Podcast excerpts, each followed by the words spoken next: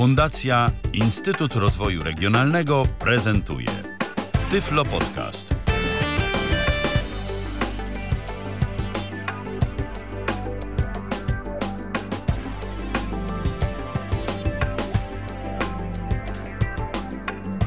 Minęła godzina 19 w kalendarzu. Dziś mamy 23 dzień września 2014 roku. Rozpoczynamy kolejne spotkanie z audycją Tyflo Podcastu na żywo na antenie Tyflo Radia. No i dziś y, taka muzyka, która się mm, przed tą audycją pojawiła, tak sobie myślę, że chyba nawet y, to może i dobrze, Nastroj, że tak. Nastrojowa w pewnym no, sensie. Wiesz co, akurat y, nastrojowa to ona była w żadnym sensie, tak przynajmniej mi się wydaje, ale na pewno skutecznie y, obudziła naszych słuchaczy, czyli zrobiła to y, w przeci- o co nam chodziło. Tak, to o co nam chodziło, aczkolwiek dziś będziemy mówić o przeciwieństwie przebudzenia, czyli właśnie będziemy mówić o śnie. A nie przywitaliśmy się. Michał Dziwisz z tej strony. Magdalena Rutkowska z tej. Tak, aczkolwiek słychać nas w mono. Witamy serdecznie. E, no i cóż, dziś będziemy właśnie rozmawiać o, o, snach z dwóch stron jakby, czyli e, z jednej strony to o takiej kwestii technicznej związanej ze snem, no bo przynajmniej część osób niewidomych, do których no muszę powiedzieć, że osobiście ja się zaliczam, to z tym snem ma różne problemy, mm, chociażby, żeby się jakoś sensownie wyspać, natomiast... E, zdefiniujemy to Tak, spokojnie. zdefiniujemy, oczywiście o, o tym wszystkim będziemy rozmawiać. E, a oprócz tego E, będziemy też mówić sobie o snach osób niewidomych. E, to też myślę, to bardziej w ramach takiej ciekawostki i. To, to jest bardzo ciekawe. Tak. To jest niesamowicie ciekawe ja tutaj mocno, mocno liczę na udział słuchaczy. I tu przy tej Zwłaszcza, okazji... Wy, wykryłam różne fajne badania na ten temat. O, no to się, to się na pewno podzielisz y, z naszymi słuchaczami tymi informacjami, do których dotarłaś. Natomiast y, właśnie a propos, a propos snów, to też y, ja się bardzo często spotykałem z takim pytaniem, no, szczególnie zadawanym przez osoby widzące, a jak niewidomy śni? Jak to wygląda? Czy wtedy na przykład w trakcie snu widzi kolory? No i o tym sobie wszystkim poopowiadamy, to myślę, że taka audycja zarówno ciekawa dla osób y, bezpośrednio zainteresowanych Tyflo Podcastem oraz y, dla tych, którzy no, gdzieś tam być może natrafią na te audycje i będą zaciekawieni, jak te osoby niewidome postrzegają sny i jak to w ogóle y, wszystko wygląda. Oczywiście... Taki tak. aspekt integracyjny troszkę. Tak, taki aspekt integracyjny troszkę. Swoją drogą dotarła do mnie taka śmieszna informacja zakulisowa, że tak powiem. Czy mi płacą płacą za to, że ja podaję co 10 minut y, namiar kontaktowy do nas, do studia. Nie, nie płacą mi za to, ale podam, bo to się może przydać. 123 834 835 to jest nasz numer telefonu, tyflopodcast.net to jest nasz radiowy Skype. Zapraszam bardzo serdecznie. Piszemy tyflopodcast.net. Y, to są nasze namiary. Telefon być może nawet jeszcze nie jest aktywny, mm, ale jeżeli nawet nie jest, to za momencik będzie. A teraz przejdźmy do kwestii zasadniczej, czyli po prostu do tych snów. To co można na dobry, na dobry początek powiedzieć o, o śnie? Jesteś w stanie go w ogóle w jakikolwiek y, sposób, Magda, zdefiniować? Yy, tak, jest nawet trudna definicja, yy, taka medyczna, nie będę jej w całości przytaczać. Mniej więcej wiemy o co chodzi, przesypiamy mniej więcej jedną trzecią swojego życia. Chodzi o to, że zarówno nasz mózg, jak i reszta ciała no po prostu popada w inny stan, spowalnia swoją pracę, następuje zwiotczenie ciała. Są oczywiście różne fazy, bo tak naprawdę sen dzieli się na dwie takie zasadnicze fazy. Non-REM, czyli ta faza snu wolnofalowego, takiego y, stopniowo pogłębiającego się aż do całkowitego pogłębienia, gdzie te fale mózgowe są bardzo, bardzo, bardzo powolne. Nawet do, do jednego herca, kiedy pobudzony mózg działa z częstotliwością 20-30, a zrelaksowany 10, tak dla, dla porównania to podaję. I to jest faza, w której po, po kolei oczywiście etapami mm, zasypiamy, Czyli tak naprawdę relaksujemy się, y, mamy zamknięte powieki. No, raczej ludzie tak śpią. Chociaż podobno słyszałam, że nie wszyscy. Ale owszem, o, to jest od razu pytanie mm, też często zadawane przez osoby widzące, czy osoby niewidome śpią z zamkniętymi oczami? Tak, tak, śpią z zamkniętymi oczami. I spo, oczywiście stopniowo ta fizjologia się wycisza, następuje pogłębienie snu, w pewnym momencie już całkowite takie zwiotczenie organizmu, jak i też właśnie spowolnienie myśli. Praktycznie się wyłączamy.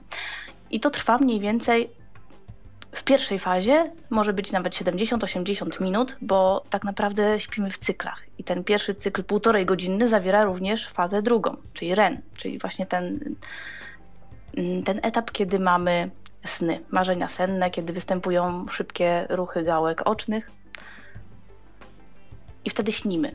Chociaż najczęściej nie pamiętamy tych pierwszych cykli, bo pierwsze trzy cykle, takie półtorej godzinne, mm, są głównie skoncentrowane na tym śnie pogłębionym, częściej pamiętamy, no chyba, że się wybudzimy akurat w tej fazie REM, częściej pamiętamy raczej te kolejne cykle, które w następnych godzinach nocnych, czyli te nie pierwsze tam 4,5 godziny, jak można policzyć 5 godzin, tak? Tylko kolejne najczęściej już są sny nad ranem, które nas nawiedzają, które jesteśmy w stanie zapamiętać. Mówię tyle mniej więcej fizjologii, a bezsenność, bo tutaj Michał zacząłeś o tym mówić, i jak naprawdę się diagnozuje tę bezsenność, bo oprócz oczywiście takiej przygodnej, że no dobra, zdarzyło się coś, wyjeżdżamy, denerwujemy się, e, coś nam się przytrafia i po prostu zwyczajnie nie możemy zasnąć. Jest też krótkotrwała, czyli jeżeli te zaburzenia trwają no nie dłużej niż miesiąc, ale jeżeli to już występuje e, ze trzy razy w tygodniu, dłużej niż miesiąc. I są to różnego rodzaju zaburzenia, bo tak naprawdę no, mamy i problem z zasypianiem, mamy problem z wybudzaniem się w ciągu nocy wielokrotnym. Mamy problem ze wczesnym budzeniem się, że na przykład zasypiamy i budzimy się o czwartej, piątej, nie możemy zasnąć. I jeszcze jedna jest też fajna. No, fajne takie zjawisko. No, nie, nie, oczywiście nie dla tych, którzy na to cierpią, ale y, wielokrotnie zarzuca się ludziom, no jak to, no śpisz 7-8 godzin, niewyspany jesteś, ale jest też takie zjawisko, czyli nasz sen jest na tyle lekki, na tyle mało daje nam wypoczynku i regeneracji, że, że tak naprawdę czujemy się zmęczeni. Wszystkie te cztery zjawiska występujące no albo razem, albo osobno, jeżeli trwają dłużej niż miesiąc, przynajmniej ze trzy razy w tygodniu, to już mm, no, można uznać, że zaczynamy mieć problem z tą bezsennością. Należałoby się ewentualnie z kimś skonsultować. Oczywiście będziemy tutaj też mówić, jak można sobie samemu radzić, no bo nie od razu nie wszystko trzeba leczyć, chociaż no, niewidomi pewnie mają tutaj całe mnóstwo różnych doświadczeń, dlatego że większość z nas jednak cierpi na, na różnego rodzaju problemy ze snem. Oczywiście długość snu to też jest, słuchajcie, taka sprawa bardzo indywidualna. E, bo co z tego, że przyjmujemy, że tam 6-8 godzin do 10, różnie, bardzo różnie bywa. Natomiast przeważnie jednak wszyscy mamy z racji pracy, swojego trybu życia jakąś tę, tę deprywację snu, później odsypiamy w weekend.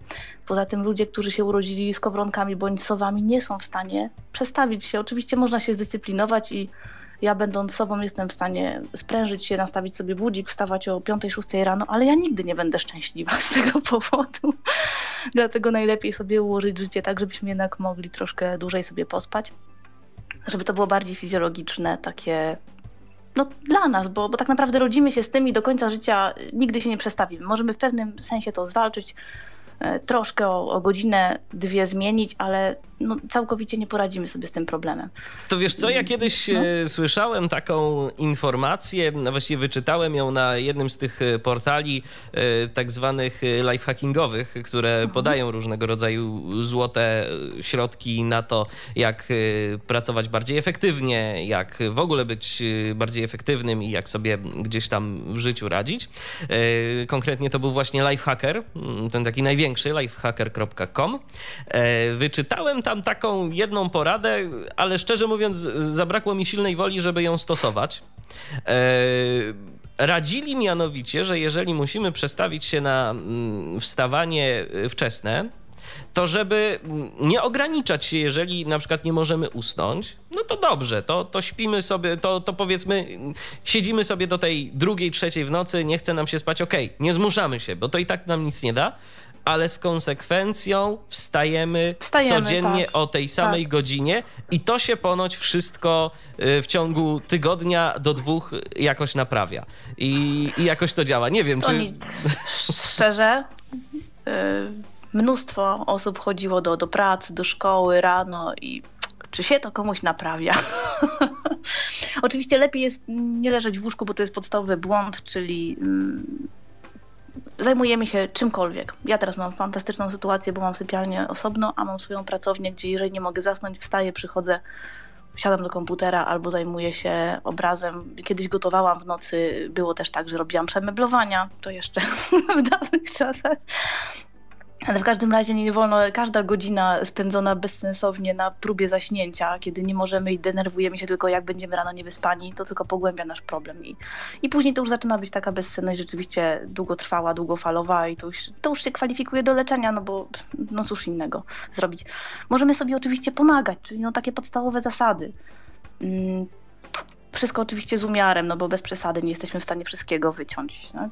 Y, czyli nie oglądamy do późna y, telewizji, zwłaszcza osoby słabowidzące tutaj, tak? No, no, i widzące oczywiście, dlatego że to sztuczne, zimne światło bardzo źle wpływa i, i powoduje, że my mamy ogromny problem z zaśnięciem. Nie pijemy sobie wieczorem kawy, herbaty, tam, zwłaszcza czarnej, tak? która będzie też działała pobudzająco. Nie jest zalecane, żeby się obżerać na noc. Y, alkohol też z umiarem, no żeby tego nie było zbyt wiele, bo później faktycznie skracamy sobie fazy snu i budzimy się po większej ilości alkoholu y, wcześniej, po prostu się wybudzamy i też możemy być przemęczeni. Aczkolwiek lampka wina wieczorem na pewno nie zaszkodzi. No, chyba, że ktoś ma inne zdanie, niech zgłasza. Może trochę sprowokujemy ludzi wreszcie. Też jeżeli chodzi o to jedzenie, to jest, y, to nie powinniśmy się przejadać y, chociażby ze względu na to, że kiedy się najemy to raz, że y, no ciężej nam będzie zasnąć, ale dwa, w, w nocy możemy się po prostu obudzić i możemy się nawet czymś zakrztusić, gdzie nam się to wszystko będzie tam powiedzmy trawiło, no i, i i niestety może tak się i może tak się po prostu zdarzyć, że się po prostu czymś e, zakrztusimy nawet albo własną śliną, albo, albo czymś podobnym. I to też jest dosyć niebezpieczne, tak szczerze mówiąc. Więc tym bardziej nie powinniśmy się przejadać. Nie, no wszystko z umiarem, wszystko dla ludzi. Wiemy, że nie wyeliminujemy całkowicie. Tutaj jak przygotowywaliśmy audycję, to Michał opowiadał o tym, że kiedy spał w pokoju pełnym sprzętów komputerowych, gdzie na pewno ten poziom promieniowania elektromagnetycznego był wyższy, to zdecydowanie jego jakość snu była gorsza, że kiedy się przeniósł do innego pomieszczenia, y, polepszyło się. Tak? Więc też Dokładnie, niektórzy mają, to, mają taką wrażliwość być... i, są, i są badania w tym kierunku robione, że to też może być szkodliwe, więc staramy się ograniczyć do minimum. No oczywiście temperatura, tak, żeby nie było zbyt gorąco w sypialni, e, żeby to pomieszczenie było przewietrzone. Mm, można oczywiście sobie pomagać różnymi olejkami do aromaterapii, które działają e, no tak odprężająco, relaksująco, bo w ogóle tak naprawdę tutaj wszelki relaks, uspokojenie swoich myśli jest ważne. Ja myślę, że jeżeli komuś pomaga, na przykład mnie, pomaga wieczorem słuchanie książki, no to ja się nie będę przejmować, że urządzenie elektroniczne pod tytułem iPhone czyta mi książkę, tylko y, to mnie relaksuje. Ja dzięki temu nie koncentruję się na jakichś sprawach bieżących, na tym, co będzie jutro, jakie ja mam problemy, co muszę zrobić, tylko sobie spokojnie odpływam, czytam, jak już taka jestem bardzo senna, wyłączam i, i spokój. Nie? A zawsze można sobie nawet ustawić yy, jakiś Czas timer, jakiś. tak. Mhm. Jest, taka, jest taka aplikacja, ona się nazywa, jak dobrze pamiętam, Sleep Timer, która jest w stanie przynajmniej na iOSie wyłączyć nam dowolną aplikację odtwarzającą cokolwiek yy, o zadanym czasie. To znaczy, no, w jakimś tam konkretnym przedziale możemy sobie to ustawić na, nie wiem, teraz nie pamiętam dokładnie jak tam, jakie tam są przedziały czasowe, ale jest coś takiego i to działa, ja to sprawdzałem, a poza tym pamiętajmy, że Voice Dream Reader, e, czyli ta aplikacja używana przez, no myślę, że większość e, niewidomych e, użytkowników iOS-a do czytania książek elektronicznych, ma również y, funkcję timera. Wystarczy sobie dwa razy stuknąć w przycisk odtwarzania i go przytrzymać i wtedy nam się pojawia takie e, okienko, w którym możemy wybrać po jakim czasie ma nam się to odtwarzanie książki wyłączyć. Y, no i możemy dzięki temu sobie zadecydować, ile mniej więcej tej książki przegapimy, a ile po prostu ile jej przesłuchamy. Bo też jest ważna, też jest taka ważna rzecz, ja przynajmniej z tym się spotkałem to mówię z, własne, z własnego doświadczenia, zdecydowanie niefajne jest, y, kiedy przez całą noc na przykład nam coś będzie w trakcie tego snu gadać. Yy, to znaczy. Ja też mam coś tam, takiego, że wtedy, tam... że wtedy sen splata mi się z tak, tą rzeczywistością. Tak, gdzieś Dlatego, tam... że pamiętajmy, że jednak dźwięki i zapachy przenikają nawet do naszej no, tej fazy snu głębokiego. Bo były też takie badania prowadzone, a nawet występują później różnego rodzaju asocjacje, że poniekąd możemy się nauczyć, że na przykład dany zapach kojarzy nam się z muzyką i, i na jawie później reagujemy na to, więc były takie badania robione. Więc na pewno dźwięki wpływają. Y, chociaż, chociaż można to użyć też w dobrym kierunku. Nie wiem dlaczego, ale ja zwłaszcza na samym początku miałam ogromny problem z wymową. Już nawet nie chodzi o znajomość języka angielskiego, ale wymowa słów. Miałam wrażenie, że język w ogóle mi się nie ugina w tych miejscach, w których powinien. I słuchajcie, bardzo pomagało mi słuchanie na przykład BBC czy w ogóle angielskich y, tekstów w nocy. Ja sobie puszczałam, to, to było po cichutku, cichuteńko i od razu rano mi się poprawiała percepcja i, i sama też możliwość wymawiania. Czyli coś w tym jest, jednak w jakiś sposób też się uczymy ten, przez sen, no, tak całkowicie nieświadomie. A ja zawsze myślałem, że Docierają do nas bodźce. Nie, no, no nie bójda. Jak się okazuje, nie bójda. Sprawdzone empirycznie. Wiecie, z innych rad, porad, ponieważ mówię, do lekarza zawsze sobie zdążymy iść. Są zresztą bo to nie o to chodzi, że iść do lekarza, on nam zaraz zapisze tabletki i będziemy się uzależniać. Oczywiście no, może tak być, bo i te starszej generacji leki działają uzależniająco, jeżeli są dłużej podawane, ale i te nowszej generacji, jeżeli się stosuje je nieprawidłowo, no to no, mogą prowadzić do, do uzależnień. Ale załóżmy, no to już jest wszystko zawsze pod kontrolą lekarza, ale są też y, takie terapie, które właśnie uczą ludzi, w jaki sposób zachować tę higienę snu, jak y, zmienić te swoje nawyki, jak nie bać się przede wszystkim, bo największy problem u ludzi cierpiących na bezsenność to jest to, że boimy się cholernie tego, że mm, no, następnego dnia będziemy nieprzytomni, niewyspani, a co będzie? No, osoby niewidome mają tym większy problem, bo mają później na przykład problem z orientacją przestrzenną, a my ciągle potrzebujemy koncentracji na wszystkich czynnościach, które wykonujemy. Więcej rzeczy osoba widząca robi odruchowo, my więcej się koncentrujemy na, na każdej, właściwie każdym geście, zwłaszcza w terenie otwartym, zwłaszcza gdzieś tam publicznie, więc musimy być skoncentrowani, dlatego ta jakość snu jest ważna i stresujemy się, co będzie. Nie? Więc żeby się tego pozbyć, żeby tak naprawdę troszkę się wyluzować. I oczywiście takie rzeczy, które, które możemy sobie zorganizować w domu, jak fajną kąpiel, byle nie za gorącą, Czytałam o tym, że są zalecane takie naprzemienne prysznice, gorący, zimny, gorący, zimny. Nie odważyłam się spróbować. To, to jakoś nie przekonało mnie zupełnie. Natomiast zapachy kosmetyków tutaj bardziej dla kobiet chyba jednak rada. Ale fajne, takie otulające, kwiatowe, ciepłe zapachy kosmetyków dobrze wpływają. Chociaż Mój partner też twierdzi, że na niego dobrze wpływa, jeżeli ja na przykład nasmaruję się takim mm, fajnym balsamem o zapachu chociażby pełni albo róży. Nie? Że to na niego również działa, kiedy leży obok. Tak pozytywnie. Mm, bo same zioła też wykorzystywane, czyli w postaci różnych preparatów oczywiście, mm, zawsze można sobie coś tam zakupić. Ja też używam Akurat tutaj jest wyciąg z waleriany i pastiflory, no w odpowiednich dawkach, no bo to też musi być dawkowanie takie, które zadziałałoby, nie jakieś tam minimalna zawartość te, tego w preparacie. Ale można też sobie pić herbatki ziołowe, tak pomocniczo, bo to jest wszystko tylko tak naprawdę gdzieś tam pomocniczo i, i trochę więcej luzu złapać, trochę dystansu, nie przejmować się za wszelką cenę, że ojej, a co to będzie, jak nie zaśniemy. No to trudno, to poczytamy sobie, coś porobimy i jeżeli będziemy mieć takie nastawienie, to o wiele szybciej uda nam się zwalczyć. A jeżeli już naprawdę nie, nie jesteśmy w stanie sobie z tym poradzić, to narasta, narasta, narasta, no to trzeba iść do specjalisty i on najwyżej przepisze nam coś, co będziemy mieć awaryjnie na półce, bo te, nowe, te, leki nowej generacji też działają w ten sposób, że mm, bierze się, one działają w ciągu 15 minut i już. I tak naprawdę po kilku godzinach człowiek wstaje i może być w pełni zdatny do życia i funkcjonowania, ale nie trzeba tego brać cały czas, tylko ewentualnie awaryjnie, kiedy, kiedy mamy taki problem. I kiedy naprawdę nie, trzeba, bo, bo, czasem, bo czasem jest tak, e, czasem jest tak, że po prostu no, no ja chociażby to mogę powiedzieć z własnego doświadczenia. Ja bardzo często mam gdzieś tam problem z, z zaśnięciem o jakiejś cywilizowanej porze. No ale e, tak sobie na szczęście wszystko podobierałem i w kwestii chociażby na przykład pracy, że yy, że jestem w stanie y, to wszystko pogodzić. I ja nawet muszę powiedzieć, że, że ja tak się, już y, przywykłem do tego, że dla mnie nie jest jakimś wielkim problemem, jak na przykład do mnie ktoś zadzwoni y, z jakimś komputerowym problemem o godzinie 8 rano, w momencie, kiedy ja położyłem się na przykład i usnąłem o godzinie 5, ja jestem w stanie komuś pomóc, skończyć tą rozmowę, położyć się na drugi bok i jeszcze trochę przysnąć. A pamiętajmy, że ścisły skoroświt kończy się w południe, tak? Oczywiście. Mamy tutaj taką wypowiedź Rafała. E, Rafał się zapytał, czy, czy mógłby opowiedzieć swój sen i czy mógłby Bardzo chętnie. z- zapytać. Chcemy, chcemy, tak, chcemy. Tak, oczywiście, czekamy, czekamy. Cały czas czekamy, to my tylko taki robimy wstęp, żebyście wy się troszkę rozkręcili. Dokładnie. Także, tak, także jak najbardziej. Słuchajcie, jeżeli ktoś posiada, a jeżeli nie posiada, to, to może sobie zawsze nabyć drogą kupna, ewentualnie zażyczyć sobie na gwiazdkę.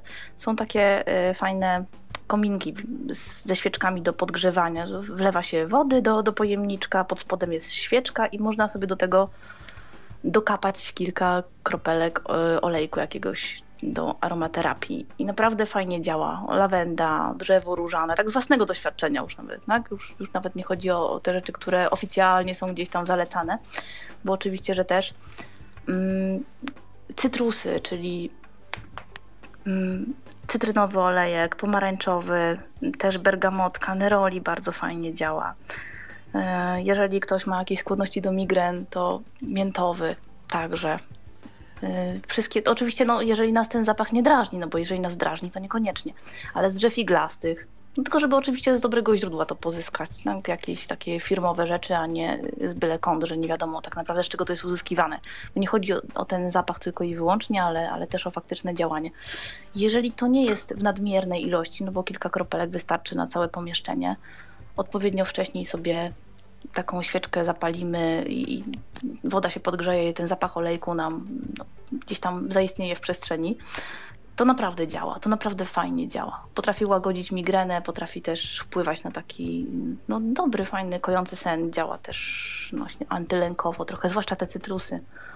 E, Jałowiec też ma takie silne oddziaływanie. To tak, taka, mówię, moja rada z tego, co ja wypróbowałam, ponieważ walczę z bezsennością, koszmarami i innymi rzeczami chyba już o, od, od dziecka.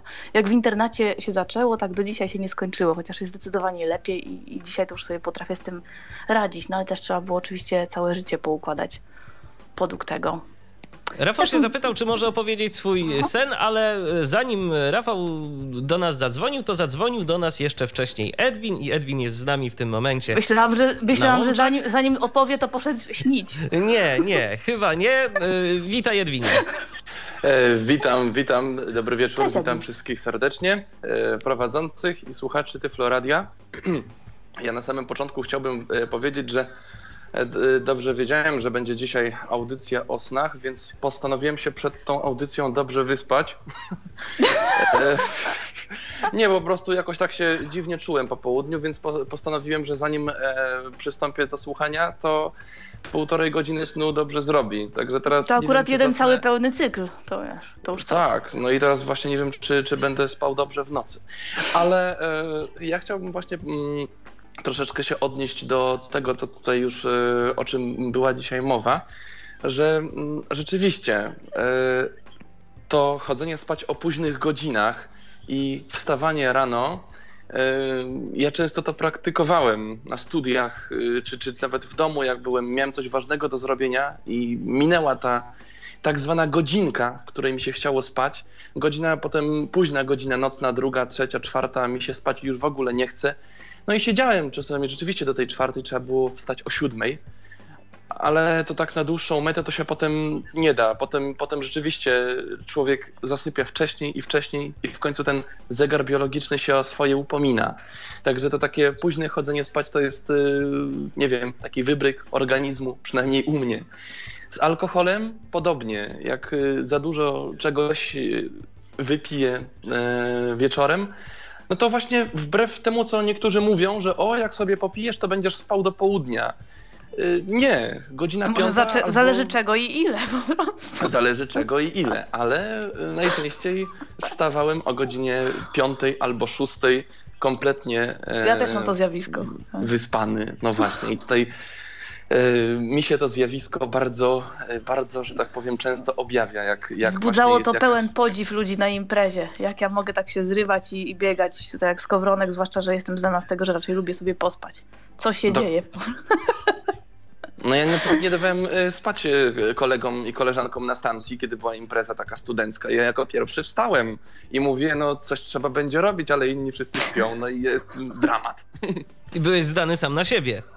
I byłem zdany sam na siebie. Y, grałem w coś na iPhone'ie, tak przyznam się.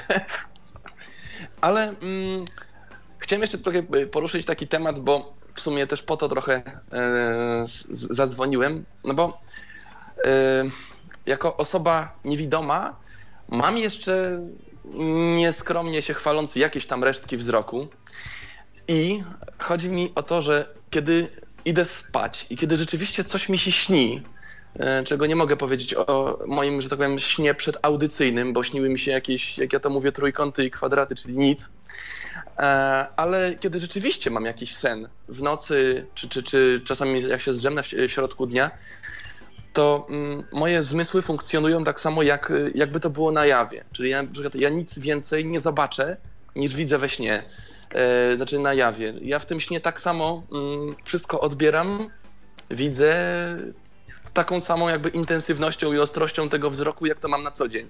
Czyli jeżeli mam to poczucie światła i, i tak dalej, kolorów, konturów, tak samo jest y, we śnie a te sny bywają różne i czasami naprawdę od snu może zależeć cały następny dzień, bo yy, bywa tak, że na przykład jak mam jakiś specyficzny sen czy koszmar, chociaż ja rzadko kiedy mam koszmary, ale sen jakiś taki specyficzny potrafi no, sprawić, że obudzę się w jakimś konkretnym nastroju, czy przegnębienia, czy jakiegoś takiego zadumania, albo może, może inaczej, może jakiejś tam radości zależy właśnie od tego snu i to się potem utrzymuje przez cały dzień. Natomiast mm, zmysłowo to tak działa prawie jak w rzeczywistym świecie, no tylko że wiadomo, no to się śni tylko. A to... I, to jest, I to jest bardzo ciekawa rzecz. To są właśnie te rzeczy, o których ja przeczytałam i mnie zaskoczyło. Naprawdę bardzo mocno zaskoczyło, ponieważ no, od lat funkcjonuję głównie w środowisku osób widzących. E, i wzajemnie opowiadamy sobie sny. Ja słynęłam z tego, że moje sny są wyjątkowo hardkorowe miejscami. Natomiast nigdy nie zwróciłam uwagi na, na to opowiadanie, bo ludzie opowiadają, a śniło mi się to, to, to, tamto, jakaś taka sytuacja.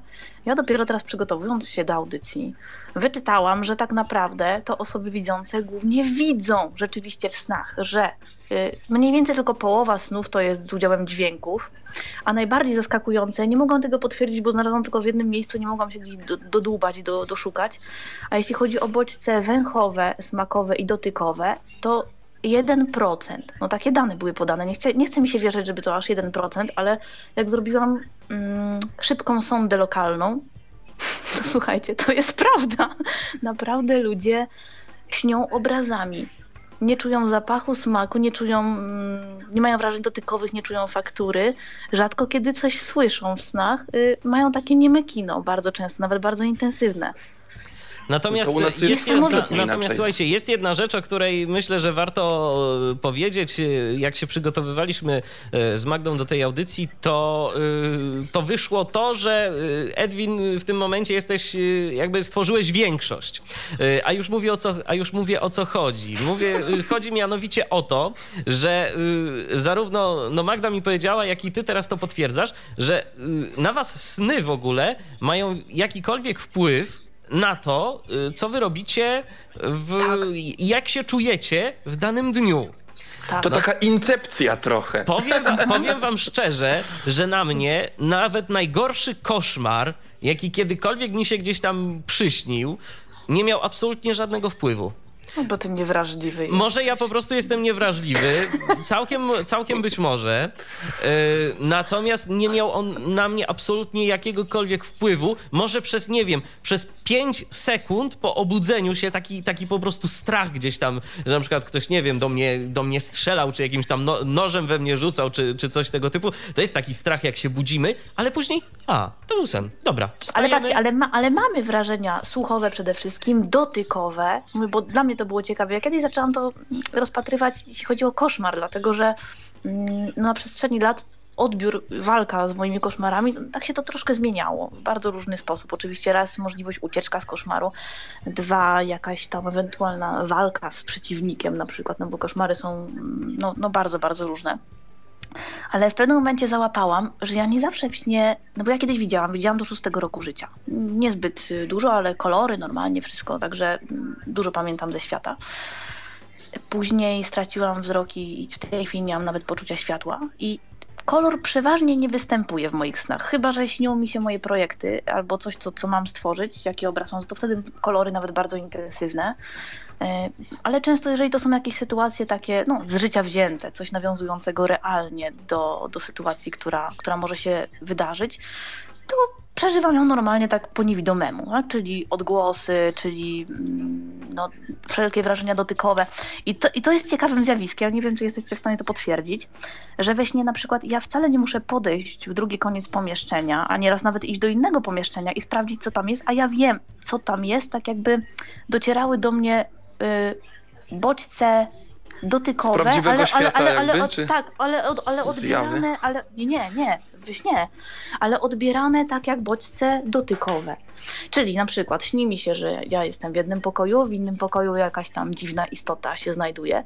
Ja jej nie widzę, nie, nie, nie wchodzę do tego drugiego pokoju, nie dotykam tego, tego stwora, przepraszam, ale ja wiem, jak on wygląda, znam jego fakturę, temperaturę, często zapach, w ogóle nie wchodząc do tego innego pomieszczenia, czyli jakby to jest inny poziom wiedzy, pozyskany za pomocą też zmysłów, jak najbardziej właśnie głównie e, dotyku, ale tak jakby zdalnie działający. Nie?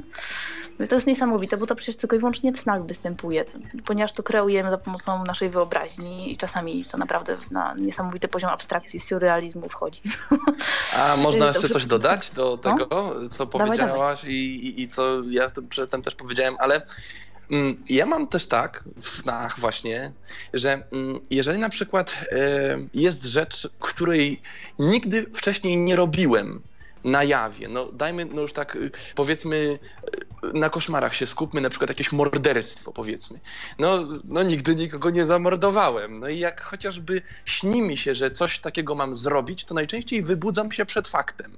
I yy, w każdej takiej sytuacji, kiedy czegoś nie doświadczyłem na jawie, to ja mam tak we śnie, że mi się to nie przyśni, jakbym to zrobił i nie widzę siebie we śnie jako potencjalnego na przykład kierowcę. Nigdy by mi się nie śniło, że jadę samochodem i ja jestem za kierownicą. Także yy, nie wiem, czy to właśnie jest też normalne, czy nienormalne, czy ludziom się No, yy, tego nie śnią będziemy takie... oceniać, czy To jest, znaczy, czy wiesz co, normalne. ja myślę, że nie, ma, że nie ma sensu oceniać tego właśnie w perspektywie normalne, nienormalne, bo sny to są na tyle indywidualną sprawą dla y, każdego człowieka i tak naprawdę y, charakterystyczną dla niego, że co najwyżej można powiedzieć mam tak samo albo nie mam tak samo, ale myślę, że nikt nie, nie powinien nawet oceniać tego w charakterze normalności. Normalne czy nienormalne. Bo- Nie, nie, to normalne w sensie, czy, czy tak po prostu y, jest u, og- u ogółu, tak? Że Ja normalne... myślę, że- Ale to nie ogół ma widzącego reguły. czy ogół niewidomego? Podobno widzący mają y, sporo takich abstrakcyjnych y, snów, ale ja też mam. Na przykład i mieczem już walczyłam, i latałam. Bardzo często przekształcam się w zwierzę, na przykład w dzikiego wilka. I to, słuchajcie, to są moje ulubione sny. Biegnę przez las, czuję pod swoimi łapami, pod poduszkami tę ściółkę, czuję zupełnie inny, o wiele bardziej intensywny zapach ziemi, słyszę y, i, i, i czuję węchem, co tam jest y, obok mnie, przy jakimś drzewie, za jakimś wykrotem. No to są niesamowite rzeczy. No mój najbardziej abstrakcyjny sen, taki troszeczkę komputerowy bym powiedział, ale naprawdę dziwne, że takie coś mi się przyśniło. E, biegłem przez labirynt, ja byłem zakrwawiony, e, za mną leciał jakiś e, stwór, który miał trzy nogi i który nie wydawał z siebie żadnego innego dźwięku, tylko taki pisk, jak kiedyś wydawał e, program antywirusowy, niejaki Avast. I to on tą syreną wył, Wcielenia Echo się niosło i gonił mnie tym labiryntem. Kurczę, jak ja się z tego obudziłem, to mówię, Boże, no jakiś Meksyk. A akurat na budzik y, miałem ustawiony piękny utwór, który mnie wybudził. Y, Swoją drogą Fateless, Insomnia. także, także czasami, czasami taki budzik z takiego snu rzeczywiście, y, rzeczywiście fajnie jak tak wybudzi, bo Ale to jest to był. też, o czym, ym, o czym mówiliśmy troszeczkę, ale czego nie zaznaczyliśmy, ale myślę, że sporo naszych y, słuchaczy ma tego świadomość, że sny to są tak naprawdę wypadkową rzeczy absolutnie losowych gdzieś tam, ale także i takich, ale także i takich, które mają odzwierciedlenie w, w życiu realnym i które nam się na przykład danego dnia wydarzyły. Albo coś, czego się obawiamy. Tak, bo to tak jest, I, bo i to to tak może jest nawet czasami. terapeutycznie sobie stosować. a Ja kiedyś no, sama to gdzieś wymyśliłam. No, Ameryki nie odkryłam oczywiście. No, całe są na ten temat opracowania i całe terapie. Natomiast kiedy już tak zauważyłam, że jeżeli ja pokonam daną swoją słabość, jakiś lęk, jakąś sytuację we śnie, to na jawie również. I tak samo, jeżeli coś zaczyna się dziać niedobrego, na przykład jak miałam problemy z orientacją przestrzenną, bo miałam jakieś y, no, takie stany lękowe i inne rzeczy, to najpierw pojawiło mi się to we śnie, ja dopiero, hmm, coś, coś się dzieje nie tak. No, dopiero objawy później w rzeczywistości były, do, dopiero po kilku tygodniach, ale ja już wiedziałam w pierwszej fazie, że coś się dzieje i tak samo walczyłam z tym we śnie. I, i wielokrotnie jest ten sposób. E, słuchajcie, ja w takim razie, ja już bym chciał wam, e, że tak powiem, tutaj podziękować za to, że się mogłem My tobie dziękujemy. Dziękujemy bardzo, I Edwinie. pogadać, nie zajmuję już czasu antenowego, bo pewnie są też inni słuchacze, którzy chcieliby się włączyć, także pozdrawiam was serdecznie i dzięki za e, wspólną rozmowę. Dzięki, pozdrawiamy Cię Edwinie, do usłyszenia i czekamy oczywiście na kolejne e, telefony 123 834 835 oraz tyflopodcast.net, czyli nasz skype'owy login pisany tyflopodcast.net. Katarzyna napisała do nas, że ma tak samo, ale jak to nie wiemy, ale może się za czas jakiś Jak kto? dowiemy. Właśnie. Czekamy. E, Natomiast Czekamy. Elwin powiedział ciekawą rzecz, y, jeśli chodzi o te dźwięki, bo podobno to jest dosyć popularne, że no, ponieważ nie mamy obrazów, to, to, że mamy prześladują niewidomych, tak, dźwięki w snach. I rzeczywiście, i to są często takie odrealnione jakieś dźwięki. Ja, ja też tak mam. Ja, akurat, ja, akurat ja akurat odrealnionych dźwięków to, to nie mam. Szczerze mówiąc, nawet nigdy się nie zastanawiałem nad, nad tymi dźwiękami. Yy, to, jest, to jest kwestia tak naprawdę do przemyślenia i musiałbym sobie naprawdę mocno przypomnieć, ale tak, szczególnie w jakichś takich snach grozy te dźwięki występują Mhm. i to takie istne z horroru. Mamy kolejny telefon. Rafał Witam się do nas w serdecznie. końcu dodzwonił. Witaj, Rafale. Witam właśnie tak, tak przepraszam, że tak trochę, trochę za późno, bo wysłałem wcześniej wiadomość o tym, z tym pytaniem o snach i e, bezsenności, no bo Słuchamy mm, cię. żeby ja zasnąć potrzebuję radia i no i tyle. I miałem, jeżeli chodzi, pytaliście o Od razu zapytam, Rafale, yy, potrzebujesz radia, które do ciebie mówi, czy które ci gra? Nie, po prostu gra, tak? Puszczę sobie jakąś kasetę ze, ze wspomnieniami z lasek, tak? Albo, albo jakąś opowieść, czy też jak ktoś lubi, bo ja lubię bardzo opowie- fantazy, więc opowieści z Narni, czy też... Czy Czyli też, musi, czyli, czyli po prostu bardziej raczej słowo, gada. czyli raczej gada, bo chodziło mi o to, czy usypia cię muzyka, na przykład jakaś z radia. Muzyka bo... też, to muzyka zależy. też, aha. To zależy, czasami włączam na radiową jedynkę, leci siatkarskiej tam, prawda? Jakiś mecz ostatnio Brazylia-Polska, ja sobie... że tak się. Ale, ale w- właśnie wracając do dźwięków y, ze snu. Ja mam często muzyczne sny i śnią mi się utwory, których nie ma naprawdę. Na przykład utwór Bacha o elektryczno-parowym pociągu na przykład. No to Dob- rzeczy... dobre. tak, to rzeczywiście Ale ciekawe. właśnie chciałem powiedzieć wam niesamowity sen, który, który, który naprawdę nie wiem jak go określić, jeżeli chodzi o komputerowy. No siedzę sobie przed komputerem, śni mi się, że jest taki zaparowany deszczowy dzień, próbuję podejść do lustra i obejrzeć się, bo widzę oczywiście w snach, ale niestety nie, nie mogę się obejrzeć, prawda? No i nagle spadam gdzieś, hen, obok tego lustra jakieś dźwięki brzmią od tyłu, jakieś takie śpiewy. Z... To jak byłem dzieckiem mi się jeszcze to śniło i powtarza mi się ten sen co jakiś czas. Takie śpiewy od tyłu, znacie muzykę od tyłu, ja też trochę umiem śpiewa- śpiewać od, śpiewać od tyłu, także znacie takie, znacie takie pewnie odgłosy, prawda? No i nagle... Tak? Y, Rafał, a ty jest niewidomy, słabowidzący, Tak, niedowidzący? niewidomy jestem. Niewidomy Całkowicie, a od, od A widziałeś kiedyś? Y, Bo... Kiedyś... Bo to, Ja jest, bo to jest, wiesz co, bo to jest To ciekawe. dla nas bardzo istotne. Tak, to jest nie, ciekawe. Ciekawskość, tylko tak, po to jest prostu ciekawe o statystykę tyle. próbujemy jakoś zrobić. To jest ciekawe o Nie, tyle, no, bo ty mówisz, że bo ty mówisz, że y, śnisz y, o tym, że widzisz. Y, Ja na przykład Tak. powiem ci szczerze, że nigdy, y, jak pamiętam, y, przez całe swoje życie nie miałem snu, w którym śniło mi się, że widzę. No nie, ja, ja z tego co mi opowiadano kiedyś, bo ja wie pan, wie pan, wiecie państwo, ja kiedyś miałem jakieś problemy jako niemowlak ze wzrokiem, podobnież tam, nie wiem, nie chcę się wgłębiać w szczegóły, bo nie pamiętam do końca.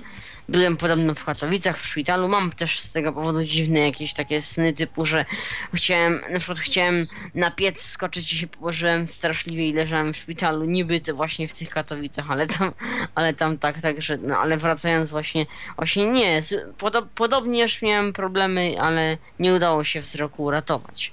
Ale nic nie pamiętam z tego widzenia, tak? Czyli nie pamiętam tego, żebym, mhm. prawda, jako niemowlę, no wiadomo, niemowlak nie pamięta tego, że widział, czy, czy też próbował widzieć. Ja tylko znam y, historię z opowieści, prawda, kogoś, kto był ze mną, tak? Rozumiecie Państwo? Czyli, tak, czyli tak, bardziej tak. to jest takie pragnienie widzenia, bo też przeczytałam, słuchajcie, znalazłam takie badania, że jeżeli ktoś stracił wzrok między, y, no najpóźniej między piątym a siódmym rokiem życia, no to jeszcze ma szansę mieć te sny z kolorami, chociaż oczywiście jeżeli ktoś już jest ociemniały i z latami żyje sobie w tej ociemniałości Także swojej, to, to, oczywiście, mam... ten, ten, to oczywiście to się zmienia, no to już ma coraz mniej obrazów. No.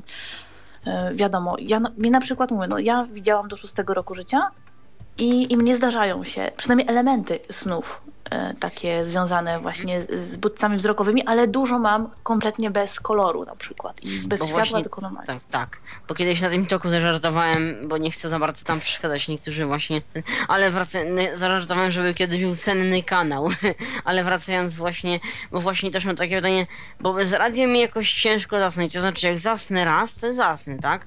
Ale jak się w nocy obudzę, nie ma szans, żebym zasnął już z powrotem. Mhm.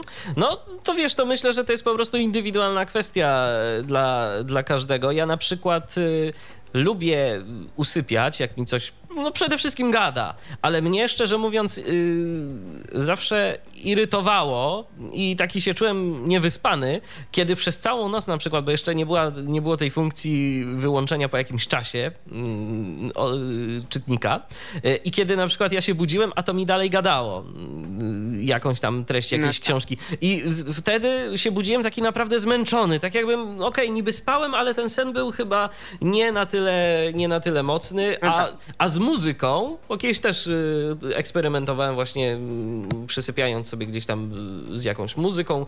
Nie, nie. Y, to, to, to, to zupełnie jakoś do mnie nie trafiało. O ile no tak. fajnie się przysypiało z, y, z muzyką, o tyle gdzieś tam ona, kiedy grała przez całą noc, to już nie było to, już nie było to i to, i to nie było fajne. No tak, a mam, mam pytanie, takie pytanie, czy mieliście, przepraszam, jeśli przedłużam antenowy czas, a mieliście Państwo kiedyś takie sny przerażającego echa w dzieciństwie? Bo ja miałem takie sny, takie, że coś idę przed pokojem, otwieram drzwi, coś tak diam, diam, diam, prawda, gdzieś tam z góry, gdzieś tam zaśpiewa.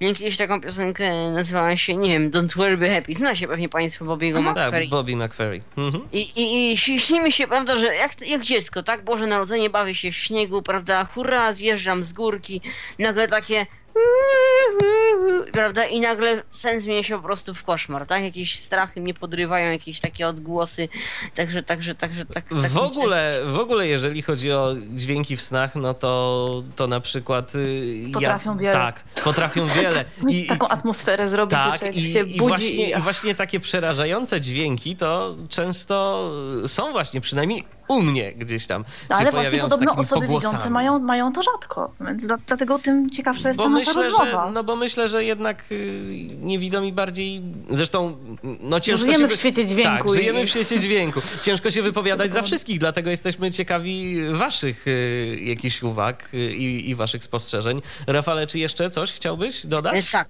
znaczy, tak, znaczy, czy... E, czekaj, proszę poczekać, co Adi? Zaraz kończę.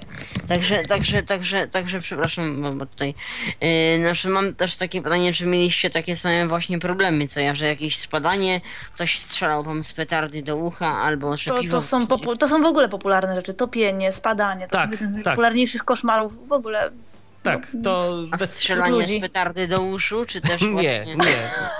Nie, akurat... Aczkolwiek rozstrzeliwanie jak najbardziej, bo i Michała rozstrzelano i mnie. Tak, tak, tak, tak, tak, tak.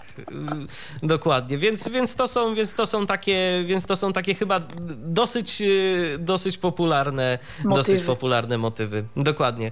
Dobrze, Rafale, to w takim Dziękuję razie bardzo dziękujemy za... Ci bardzo Dzięki. za telefon. Oczywiście czekamy na kolejne telefony. Miejmy nadzieję, że jeszcze ktoś się z nami swoimi wrażeniami podzieli, jeżeli tylko będzie miał na to ochotę. tyflopodcast.net to nasz Skype, 123 834 835 to jest e, nasz numer telefonu. Jest to numer telefonu e, z krakowskiej strefy numeracyjnej. To tak jeszcze dodam. E, jeszcze tak a propos, a propos snu, Y, bo też jest ważna sprawa, o której myślę, że warto powiedzieć i na moment odchodząc jeszcze od tych snów, y, o których będziemy mówimy. tak przeplatać. Tak, będziemy, będziemy tak przeplatać.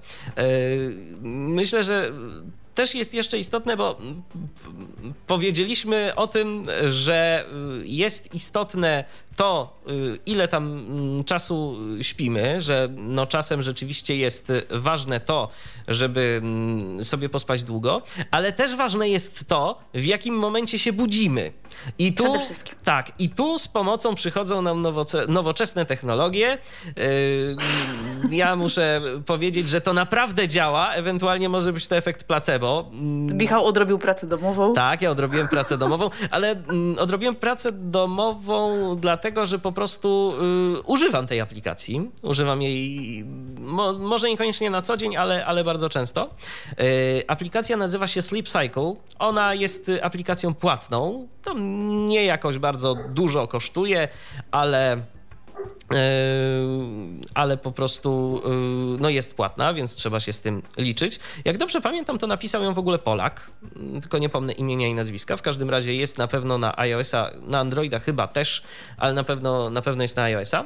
I na czym cała rzecz polega? Otóż w tym momencie no niestety będą niepocieszeni ci wszyscy, którzy boją się spać obok telefonu Mm, swojego, bo promieniowanie, bo coś tam. Może coś w tym jest, rzeczywiście, no ale niestety inaczej się nie da, jeżeli chcemy korzystać z tej aplikacji. Yy, aplikacja sprawdza naszą aktywność, to znaczy, czy my się bardzo ruszamy podczas yy, snu, czy niekoniecznie i wybudza nas w odpowiednim momencie, kiedy ten nasz sen jest najlżejszy. Telefon powinien się ładować, kiedy korzystamy z tej aplikacji, bo ona dosyć dużo baterii zużywa. Kładziemy telefon obok siebie, ustawiamy w aplikacji moment, w którym chcemy się obudzić. To jest przedział półgodzinny, więc na przykład ustalamy, że chcemy się obudzić między godziną y, 8 a godziną 8.30 albo 8.30 a 9, albo jeszcze jakąś inną godziną i po prostu klikamy start. I w tym momencie, w przedziale tym półgodzinnym, ta aplikacja wykrywa za pomocą y, czujników naszego telefonu, kiedy mamy najlżejszy sen. Y, no i w tym momencie próbuje nas obudzić. I ja muszę powiedzieć, że to naprawdę działa i jest to o wiele lepsze i lepiej nam się wstaje, przynajmniej mi. Y, lepiej mi się wstaje w ten sposób, niż kiedy nastawię sobie budzik i on mnie jakoś tak gwałtownie wyrwie ze snu. Tak, dlatego że to jest to, o czym my wcześniej mówiliśmy, czyli te fazy snu. Mm, I taki pojedynczy cykl trwa półtorej godziny orientacyjnie, tak? Najpierw masz pogłębioną fazę snu y, do, do maksymalnego pogłębienia, a później masz tę fazę lekkiego snu, właśnie z marzeniami sennymi, tę fazę REM. I jeżeli w tym momencie, zanim znów przejdziesz w kolejny cykl z pogłębieniem snu, zdąży cię y, ta aplikacja wybudzić, no to w tym momencie będziesz o wiele bardziej wypoczęty. A jeżeli już zdążysz wejść w następny cykl i, i znów będziesz pogłębiał ten swój sen, no to automatycznie właśnie możesz czuć się taki zdezorientowany, rozbity i o wiele bardziej zmęczony. Niejednokrotnie nawet y, no, zmniejszenie ilości tej, tego snu, ale odpowiedni dobór obudzenia w danej fazie cyklu no, jest po prostu o wiele bardziej skuteczny. Chociaż mówię, ja próbowałam stosować i no za dużo nas w tym łóżku po prostu i zaraz obok. Ludzie, zwierzęta. Jakoś niekoniecznie, zresztą ja jeżeli mam testować jakąś aplikację, to zaraz się denerwuję, że nie mogę zasnąć, to i tak się kręcę, wiercę. Słuchajcie, nic z tego nie wychodzi. Także mm, dlatego też Michał miał pracę domową, wypróbował, działa, Działa, dokładnie. E, mamy kolejny telefon. E, tym razem e, dodzwoniła się do nas Katarzyna. Witamy. Dzień dobry. Dzień ja dobry. pisałam wcześniej, ale coś mi się tutaj z czatem skype'owym podziało. Chodziło mi po z, pierwsze Z czym o... masz tak samo? Właśnie, no mam tak samo z tym, co ty, czyli z tym, że ja też jakby na mnie to też ma wpływ w sensie koszmary senne i to, co mi się śniło, na to, jak, jak, jak czuję się przez cały dzień. To jest po pierwsze. A drugie, ja jeszcze chciałabym na krótko wrócić do tej kwestii tych wszystkich rzeczy, które nam pomagają, tudzież przeszkadzają zasnąć, ponieważ ja mam bardzo złe doświadczenia z melatoniną. Nie wiem, czy ktoś mógłby to potwierdzić. E, mianowicie, rzeczywiście działa ona do tego stopnia, że ten sen się faktycznie reguluje e, i jest stabilny, w sensie z, zażywamy wieczorem, zasypiamy, budzimy się rano, wypoczęci, natomiast... Tylko czy się, tylko czy się budzimy? Bo ja mam takie nie. doświadczenia, że, że średnio się zaczęłam już budzić później, że to tak naprawdę nie, nie, działało, ciągle byłam senna. Yy, nie, to ja mam inaczej. Ja się budziłam bardzo wyspana, ale miałam tak straszne po tym koszmary i im dłużej brałam, tym, tym naprawdę gorsze, yy, że, że no cały dzień po prostu, no funkcjonowałam z jakimiś lękami, z jakimiś rzeczami w ogóle, także absolutnie odradzam a jest to dostępne bez recepty, nawet y, mi ktoś to polecił, że tak powiem, po znajomości, bo gdzieś tam powiedziałam, że mam problem ze snem i, i tak dalej. Tak, bo podobno to jest świetne dla niewidomych, ponieważ my nie Właśnie. możemy być naturalnie regulowani tak, przez bo to światło słoneczne i ten hormon opinia, nam... Obiegowa tak, opinia panuje o tym, że, że melatonina jest e, właśnie dobrym e, specyfikiem i ponoć na niektórych rzeczywiście to działa, no ale tak znaczy, to tak jest z różnymi lekami. Działa, nie tak, że, działa tak, że faktycznie reguluje ten sen, tak? Czyli to, co najważniejsze jakby, jakby jest, tylko no, czy takie funkcjonowanie jest dobre, no to jest drugie pytanie. No, mnie nie regulowało. Mnie najpierw miałam wrażenie, że, że być może i to też przy tych tak wyższych dawkach mówię, dobra, dobra, trzeba pobrać tydzień, dwa, trzy, zobaczymy co będzie dalej. I tak naprawdę już w pewnym momencie ani nie wpływało na jakość snu, ani na długość. Dodatkowo jeszcze przez cały dzień też byłam senna, ponieważ no, jak przeważnie intensywnie pracowałam, dojeżdżałam z miasta do miasta do pracy, to i tak trzeba było odsypiać w PKS-ie i nastawiać sobie GPS na dwa kilometry przed dworcem. Jedyna rada. No, no więc ja właśnie tak się chciałam tutaj podzielić yy, yy, takimi spostrzeżeniami. No, cenne doświadczenie, bo myślę, że no, a propos tej melatoniny, to właśnie no, sporo osób y, o tym mogło słyszeć. No i rzeczywiście, no, jeżeli ktoś y, faktycznie ma takie problemy, to spróbować warto, ale... No, a nóż zadziała. Tak, a nóż zadziała, bo w końcu no, to nic nam złego nie powinno zrobić. Natomiast y, no, można mieć taką... No, i trzeba mieć taką... Tak, trzeba, trzeba mieć taką świadomość, że no tak, jak mówisz o tych koszmarach, które, które były, to ja mhm. powiem szczerze, że ja, próbu, że ja próbowałem też tam kilku specyfików, łącznie z jakimiś y, też y, herbatkami ziołowymi, które, które mają pomagać na y, zaśnięcie, a koniec końców, słuchajcie, u mnie się sprawdziła jedna złota zasada. Po prostu raz spać o tej godzinie, o której się rzeczywiście jest się śpiącym. Jest się, jest się śpiącym. To jest, to jest raz. złota zasada. Tak, to jest złota zasada. No wiadomo, że nie każdy może w ten sposób. Yy, ja, mi się jakoś udaje, aczkolwiek nie powiem, że zawsze uda mi się przespać tyle, ile bym chciał, bo doba niestety ma tylko 24 godziny. Natomiast yy, to, jest, to jest kwestia y, jedna, a druga po prostu. Yy, Y, ja już czasem mam tak, że najzwyczajniej w świecie, jak wiem, że już zaczyna się ze mną coś, coś dziać niedobrego, to ja odcinam, że tak powiem, wszystkie środki kontaktu. Trudno, bo jeżeli ja się, y, ja już po prostu czasem czuję, że jeżeli ja się nie wyśpię, ja się obudzę z potworną migreną i ja nie zrobię wtedy absolutnie nic. I niestety, no, z tym się trzeba, z tym się też trzeba liczyć. Jeżeli czasem ktoś, ktoś ma taką sytuację, to czasem po prostu lepiej się wyspać, poświęcić ten czas, bo później i tak będziemy do niczego i i tak nic nie mhm. zrobimy. Słuchajcie, bo to są też predyspozycje. Podobno w ogóle połowa populacji ludzkiej nie ma z tym problemu, natomiast druga połowa albo miała, albo ma, albo będzie miała e, problem z bezsennością prędzej czy później, bo ma już takie predyspozycje. No i w zależności od tego, jaką kto ma wrażliwość, no jak tam oczywiście się później w życiu ułoży, no to nas to dopada. Ale z tymi herbatkami też warto zaeksperymentować. Albo y, pojedynczo, no ja albo łączyć sobie na przykład absolutnie nic, nic nie mówię.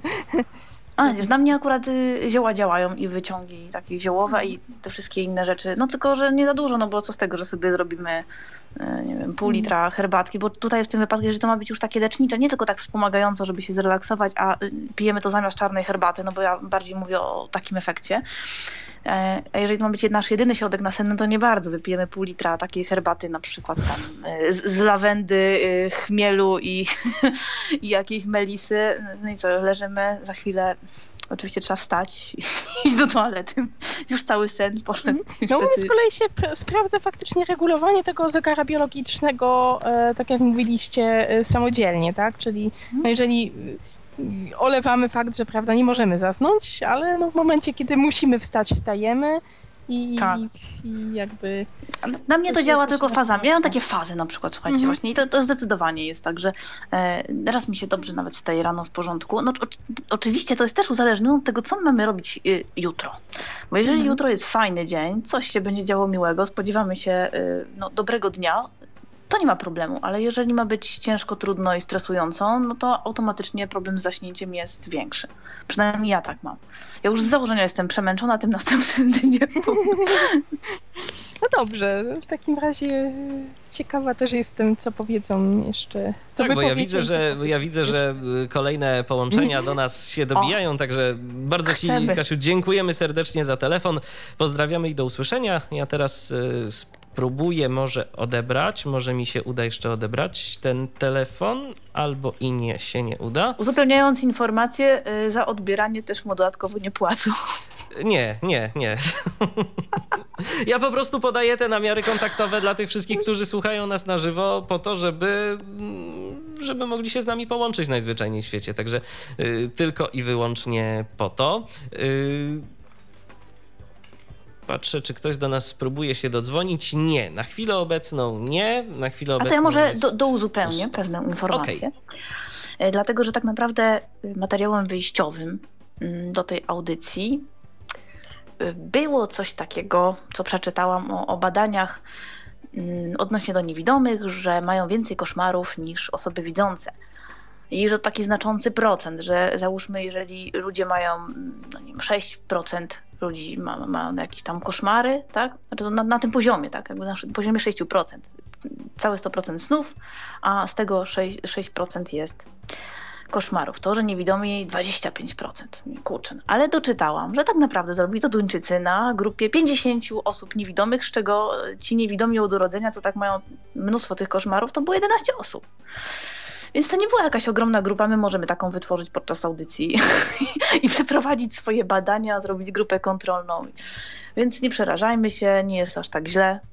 A specjalnie podubałam w internecie, bo informacja była na różnych portalach naukowych, gdzieś tam dostępna, ale bez takich szczegółów. A jak zaczęłam rozmawiać z ludźmi, również niewidomymi od urodzenia, no to się to w ogóle nie sprawdziło. Mówię, kurczę, no coś jest nie tak, muszę podubać, zgłębić temat, czy to rzeczywiście... tak- Więc według mnie to nie, nie należy się jakoś tam specjalnie przejmować tymi danymi akurat. Zwłaszcza, że są tak przeróżne rozbieżne, tak, na takie rozbieżności. Jeżeli czytamy o koszmarach mm, w innym miejscu, o innych badaniach, to się okazuje, że y, ma je 30, a to 60% populacji, a to w takim, a to w innym procencie, a 70% y, snów dzieci w wieku przedszkolnym to są koszmary. I co badanie to wynik. Słuchajcie, nie przejmujmy się tym wszystkim. Zwłaszcza, że mówię, z koszmarów też się można czegoś y, nauczyć, zwalczyć jakieś swoje lęki. Czegoś ciekawego dowiedzieć i tak. może, i może można się po O prostu... w sobie, ten- tak, o sobie i, na i można się tak uodpornić jak, jak, jak ja y, w tym momencie, kto, gdzie na mnie te koszmary w ogóle nie mm, robią żadnego wrażenia. Może Co, mówię przez, co prawda, przez, przez 5 sekund po, mm, po obudzeniu. Dobrze, odbierzmy kolejny telefon, bo mamy tym razem właśnie na łączu telefonicznym ktoś jest z nami. Halo, kogo witamy? E, Halo, Witamy. czy, czy jestem słyszany? Tak. tak. E, m, Moje nazwisko Henryk Klimaszewski. Właśnie chciałam Warszawy. powiedzieć, cześć Heniu. E, Z Warszawy i słucham tutaj tej audycji waszej. Wprawdzie nie jestem tak e, przygotowany w sensie e, w sensie uporządkowanej informacji, ale na podstawie tego, co tu usłyszałem, chciałbym trochę powiedzieć e, od siebie. Słucham. Zwłaszcza że, Hen- E, może- zwłaszcza, że Henryk ma wykształcenie y, jakby zbliżone E, tutaj. Właśnie chciałem mocne. tylko powiedzieć, żeby słuchacze byli zorientowani. Ja jestem psychologiem z zawodu i nawet zajmowałem się kiedyś e, teoriami snu. I tutaj chciałbym kilka rzeczy uporządkować. E, Bo Państwo głównie mówicie właściwie o objawach. Jak to odbiera swoje sny. Ale warto by było pewne rzeczy trochę uporządkować. Mhm. Teraz tak, wrócę do tych faz snu, o których tutaj y, Magda mówiła. Ta faza głębokiego snu, ona głównie odnosi się do naszych, ja to będę upraszczał trochę, do naszego aparatu mięśniowego. W tej fazie głównie odpoczywają nasze mięśnie. Natomiast w fazie REM używa się też określenia snu paradoksalnego. Ja zaraz wytłumaczę dlaczego. To w gruncie rzeczy odpoczywa nasz mózg. Bo nasz mózg tak naprawdę nigdy nie śpi. To znaczy nigdy nie ma takiej sytuacji, żeby nie był aktywny. Właśnie w, tych, w tej fazie REM sen odpoczywa. Dlaczego y, używa się też określenia sen paradoksalny? Mianowicie chodzi o to, że te fazy REM, przeplatane tym snem głębokim, i y, tych faz występuje kilka w ciągu, w ciągu snu. To zależy od tego, jak długo sen trwa. I one się na siebie nakładają. I w momencie obudzenia się często mamy poczucie takiego takiego paradoksalnego właściwie y, globalnego snu, takiego nielogicznego, takiego dziwnego. Poszczególne fazy, one nie są takie. Gdybyśmy uchwycili tylko jedną fazę, to ona byłaby w miarę logiczna. Ale wobec tego, że one się na siebie nakładają, to tak jakby powiedzmy kilka filmów, taś filmowych na siebie nałożyć i prześwietlić. Stąd jest to poczucie snu paradoksalnego. A teraz mm, chciałem kilka słów powiedzieć o tych koszmarnych snach, o tych koszmarach. Mianowicie, jeżeli komuś się śnią koszmary, i oczywiście będę mówił tutaj o człowieku, którego psychika roz, rozwija się w granicach pewnej szeroko pojętej normy.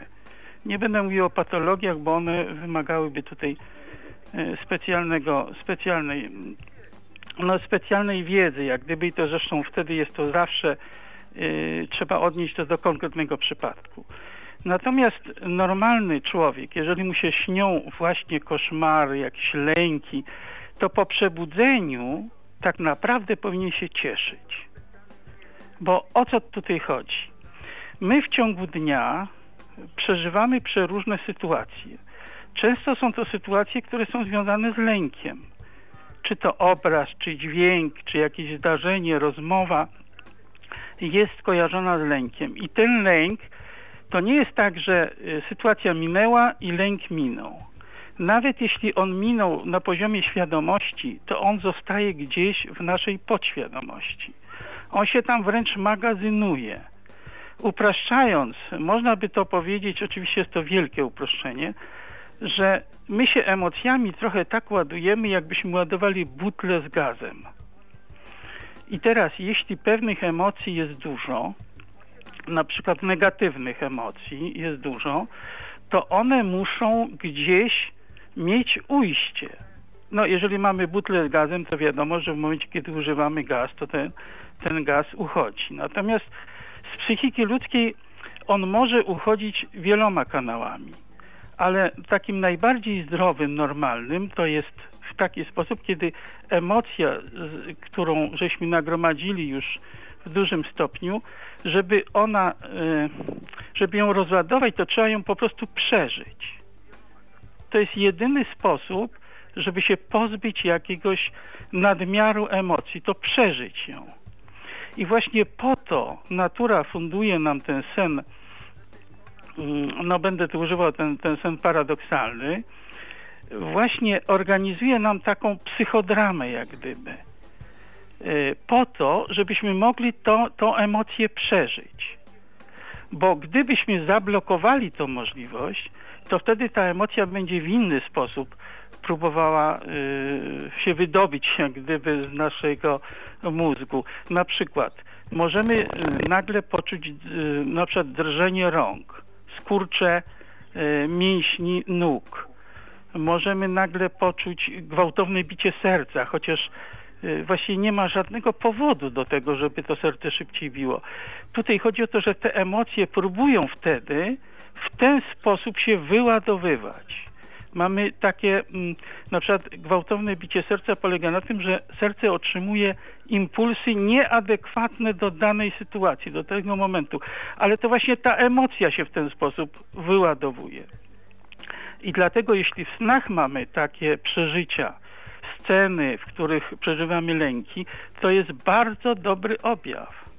Bo to znaczy, że my tej emocji się pozbywamy poprzez jej przeżycie. Czyli można powiedzieć, że sen to jest taki jakby wentyl bezpieczeństwa dla naszej O, psychiki. dokładnie. No i, no i dokładnie porządkowanie też tak. rzeczywistości naszych emocji. Tak, i tak. odniesień. Oczywiście mówimy tutaj o osobach, które mm, no, nie cierpią na jakieś specyficzne zaburzenia centralnego układu nerwowego, bo jak powiedziałem, to są odrębne No tak, depresje, stany lękowe, no, różnego Także rodzaju. tutaj, y, tutaj y, cieszmy się nawet, jeśli przeżyjemy taki lęk, bo po, w ten sposób pozbali, pozbawiliśmy się tego emocjonalnego gazu. I nie trzeba się a, po, a potwierdzasz, jako, jako osoba niewidoma, potwierdzasz, że udział y, bodźców dotykowych, smakowych, mm, węchowych, a zwłaszcza słuchowych też jest, jest wyższy niż y, wśród osób widzących?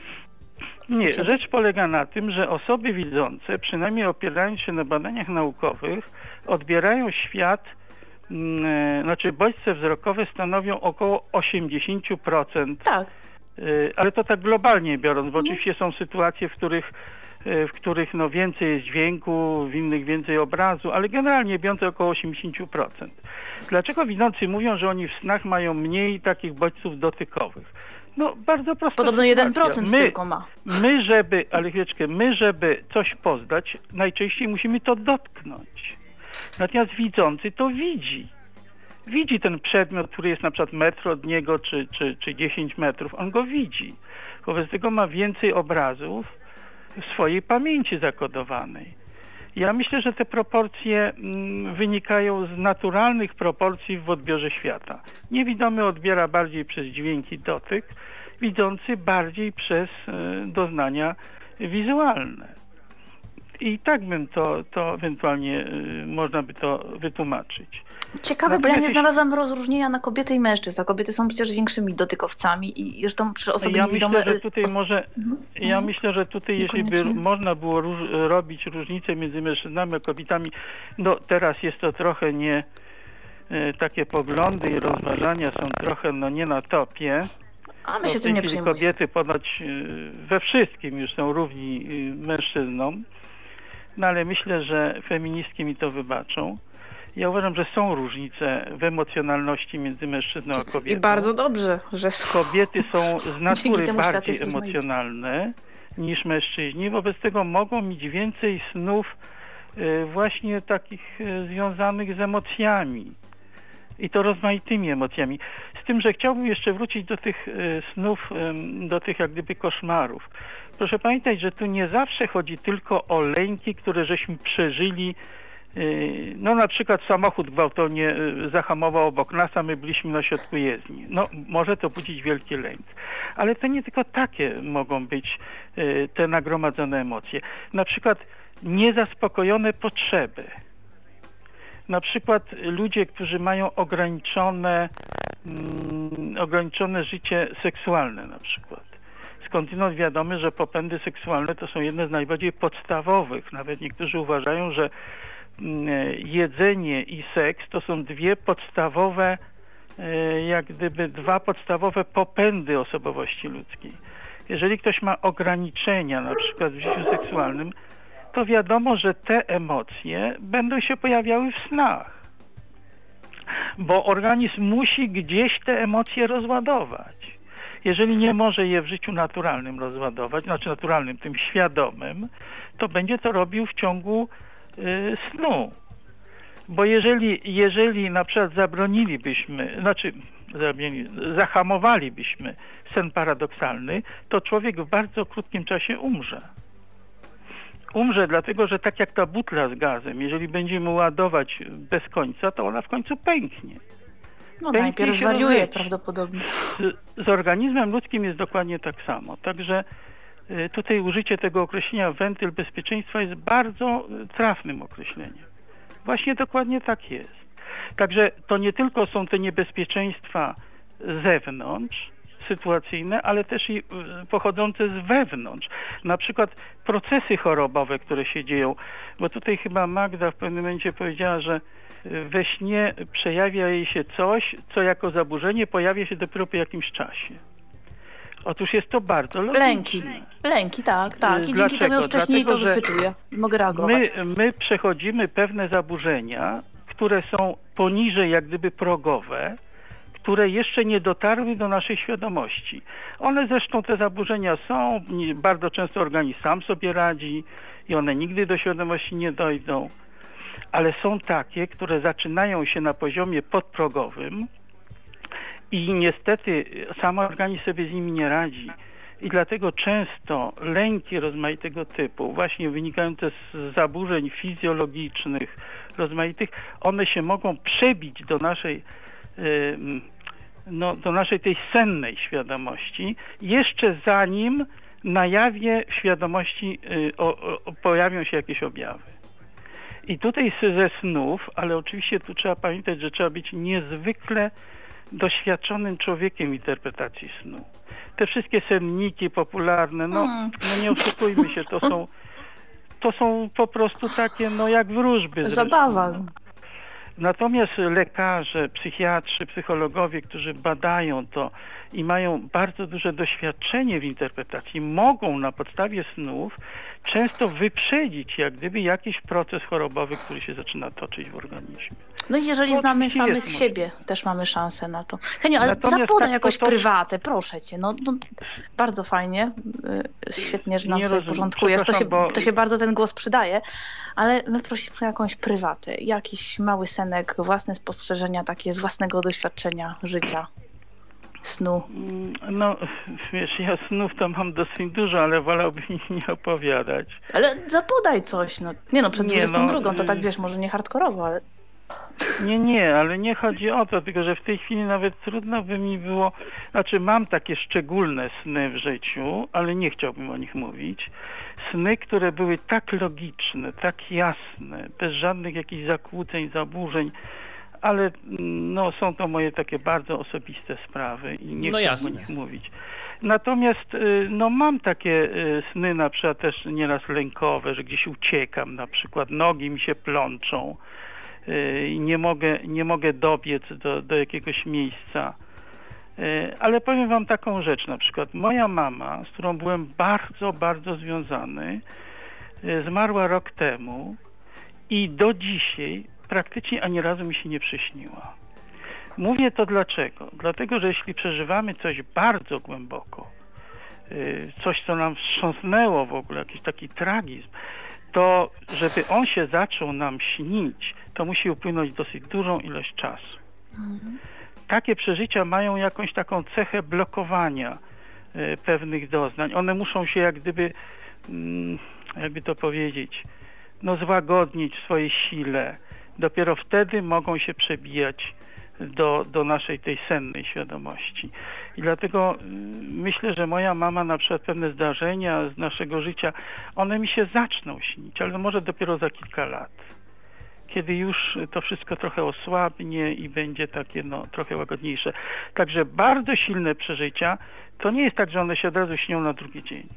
Chociaż oczywiście może się zdarzyć jakiś wyjątek, bo proszę pamiętać, że wszystko, o czym mówimy, zależy ściśle od struktury osobowości danego człowieka. To nie jest tak, że tutaj statystyką możemy się posługiwać, ale trzeba to robić bardzo ostrożnie każdy człowiek ma trochę inną strukturę osobowości.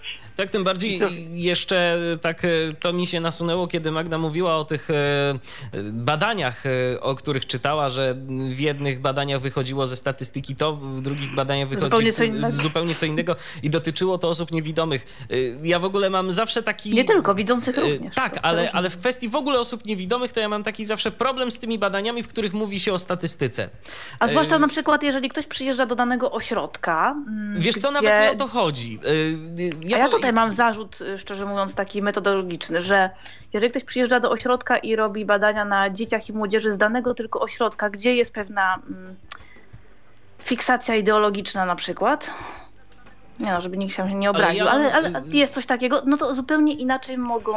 Ale mi chodzi o coś jeszcze innego. Niż... Mi chodzi o coś no. jeszcze innego. Tak naprawdę, yy, i to jest generalnie problem z, w ogóle z definicją osoby niewidomej. Bo tak naprawdę, moim zdaniem, bardzo yy, mocno różni się yy, postrzeganie świata i tym samym też pewnie i te kwestie związane ze snami. Osoby, która nie widziała nigdy nic, osoby, która widziała kiedyś, ale przez bardzo krótki czas, osoby, która y, jest osobą bardzo słabowidzącą, ale jednak coś widzi Ale i jeszcze pewnie tak, i jeszcze pewnie różne, różne inne I modyfikacje. osoby, które straciły wzrok w wieku dorosłym, gdzie Dokładnie. A to, są wszystko, a to są wszystko osoby niewidome. Słuchajcie, ja mogę, jeśli pozwolicie, to wtrącę może. Oczywiście. Ja kiedyś do pracy magisterskiej prowadziłem takie badania, które miały pokazać różnice w procesie przystosowywania się do życia osób niewidomych i osób ociemniałych. Otóż ja wtedy wprowadziłem taki termin osoba niewidząca i podzieliłem tą grupę na osoby niewidome, które nie, widzieli, nie widziały od urodzenia. Ja tam zrobiłem taką granicę trzech lat, ale to może za chwilę. I osoby ociemniałe, czyli niewidzący składali się z dwóch podgrup. Niewidomi od urodzenia i ociemniali później. I okazało się nawet na niewielkiej grupie, że są różnice bardzo duże. Mianowicie niewidomi od urodzenia byli tak samo właściwie, bardzo podobnie, byli względnie dobrze przystosowani do życia, lepiej niż osoby widzące, yy, przepraszam, ociemniałe. Jak to yy, uzasadniałem? Mianowicie tym, że niewidomy od urodzenia żyje cały czas w tym samym świecie. Nie musi się do niczego przystosować, jak gdyby nie musi przechodzić takiej traumy, że musi zmieniać z jednego generalnego stylu życia na drugi. I u niego istnieje jeden ośrodek doświadczenia percepcyjnego w mózgu. Natomiast u ludzi ociemniałych istnieją dwa ośrodki. Jest jeden ośrodek związany z doświadczeniem percepcji wzrokowej, a drugi ośrodek z, z doświadczeniem percepcji osoby niewidomej. I okazało się, że na przykład w podejmowaniu decyzji więcej ryzykantów było wśród osób ociemniałych niż niewidomych. A dlaczego? Dlatego, że osoby ociemniałe decyzje podejmowały bazując na ośrodku e, związanych z percepcją wzrokową, czyli podejmowały decyzje tak, jakby widziały, natomiast ich możliwości realne były e, takie jak osób niewidomych. Wobec tego dochodziło do pewnej kolizji, na przykład zawyżały swoje, e, swoje wyniki, przewidywały, że na przykład osiągną wyższy wynik niż naprawdę osiągały. Natomiast osoby od, od urodzenia niewidome z reguły wyznaczały taki wynik, jaki były w stanie osiągnąć. Ja nie wiem, czy ja to w miarę Ale no, bez ryzyka nie ma e, postępu, także może to nie, też ma nie, swoją to wartość. nie chodzi o takie, słuchaj, to nie chodzi o takie ryzyko, w jakie potocznie pojmujemy.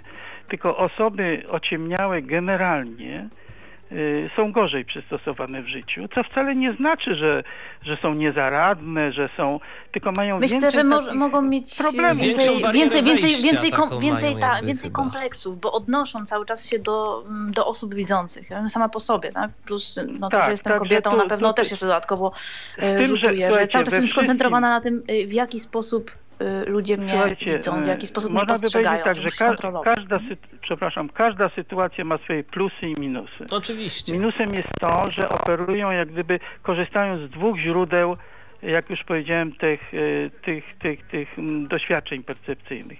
Ale z drugiej strony osoba ociemniała trochę więcej wie o świecie, który ją otacza. Jest w stanie sobie wyobrazić, jak wygląda drzewo, jak wygląda wysoki budynek, katedra, jak wygląda krajobraz, co też bardzo w życiu pomaga. Także to nie jest tak, że ci ociemniali to są w sytuacji generalnie gorszej. Może trudniejszej, ale mm, jak Ciężko, ciężko no, powiedzieć, kurczę, to każdy ze swojej perspektywy zawsze, tak? Dokładnie. E, Właśnie, właśnie dlatego mam też takie- jestem ciekawa tych, tych innych snów ludzi Ja mam właśnie takie, wiecie co? od, od urodzenia, bo ja pamiętam, słuchajcie, jak taki malutki wtręcik zrobię, Mhm. że jak y, konsultowałam rysunki tyflograficzne, to, to było jakoś no już dobre ponad 10 lat temu. Mm, Może nawet i, i- i 15 lat temu. Polska akcja humanitarna między innymi tam była zaangażowana y, i Muzeum Sztuki y, w Łodzi.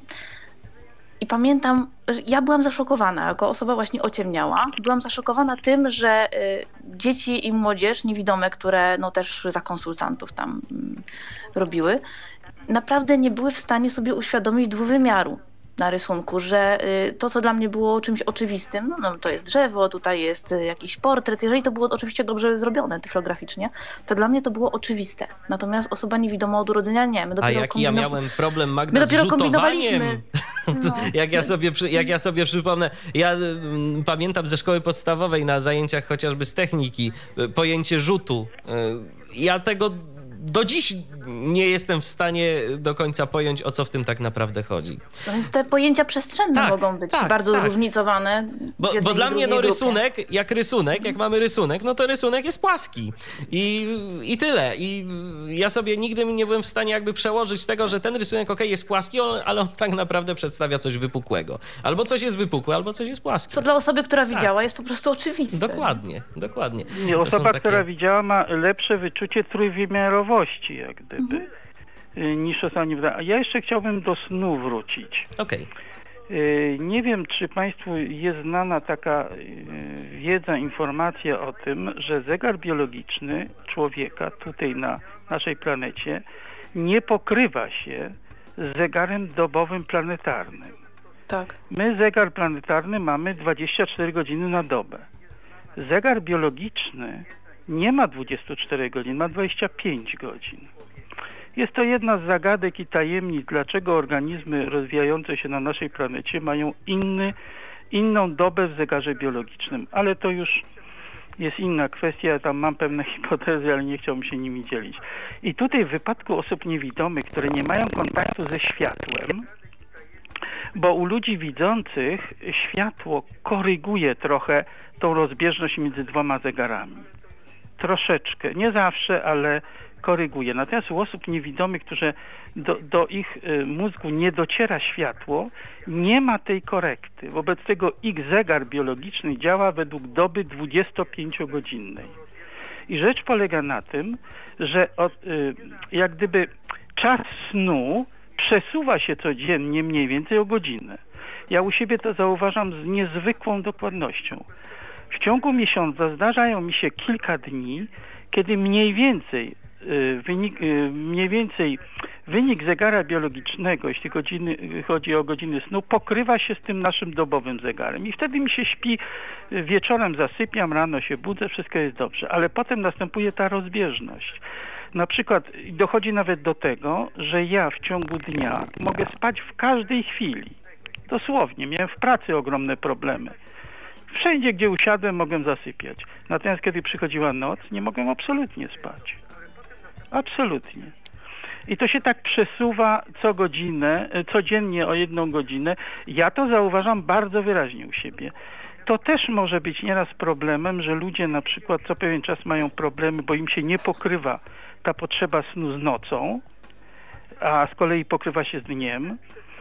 I często tłumaczą sobie w przeróżny sposób. Stosują leki, tu melatonina, która moim zdaniem w ogóle absolutnie jest to Tak, ro- rozmawialiśmy niewi- o tym. w wypadku niewidomych szczególnie to to w ogóle nic nie daje y, i nie polecałbym tego. Natomiast te wszystkie łagodne środki, o których tu Magda wspominała, ale to trzeba dobierać bardzo indywidualnie. Indywidualnie. Bo ten sam zapach jednego będzie drażnił, drugiemu będzie przypominał coś bardzo miłego na przykład. Albo, albo dawki i dobór chociażby, tak? Jedne Wiesz, środki ja z myślę, że- na mnie nie działają, a inne tak. Ja myślę, że twój partner, gdyby, e, gdyby na przykład bardzo był z tobą skłócony, o, nie życzę tego, ale załóżmy taką sytuację, to myślę, że ten zapach róży mniej by mu się kojarzył z czymś przyjemnym. Więc to jest uwarunkowania, są takie sytuacyjne, osobowościowe, ale na pewno te łagodne środki są najbardziej bezpieczne. No, co jest ważne? Bardzo ważne jest, żeby wywietrzyć pomieszczenie, w którym się dopływ tlenu powinien być prawidłowy.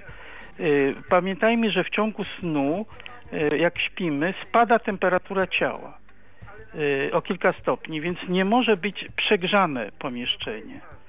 Raczej okrycia kołdry powinny być w miarę lekkie, ale ciepłe.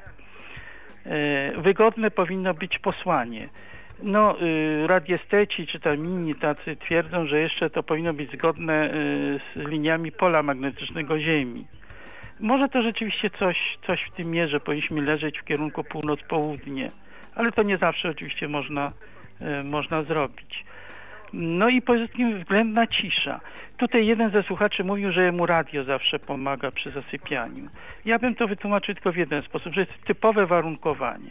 Po prostu od dziecka się przyzwyczaił, że coś mu tam brzęczy, kiedy chce zasypiać.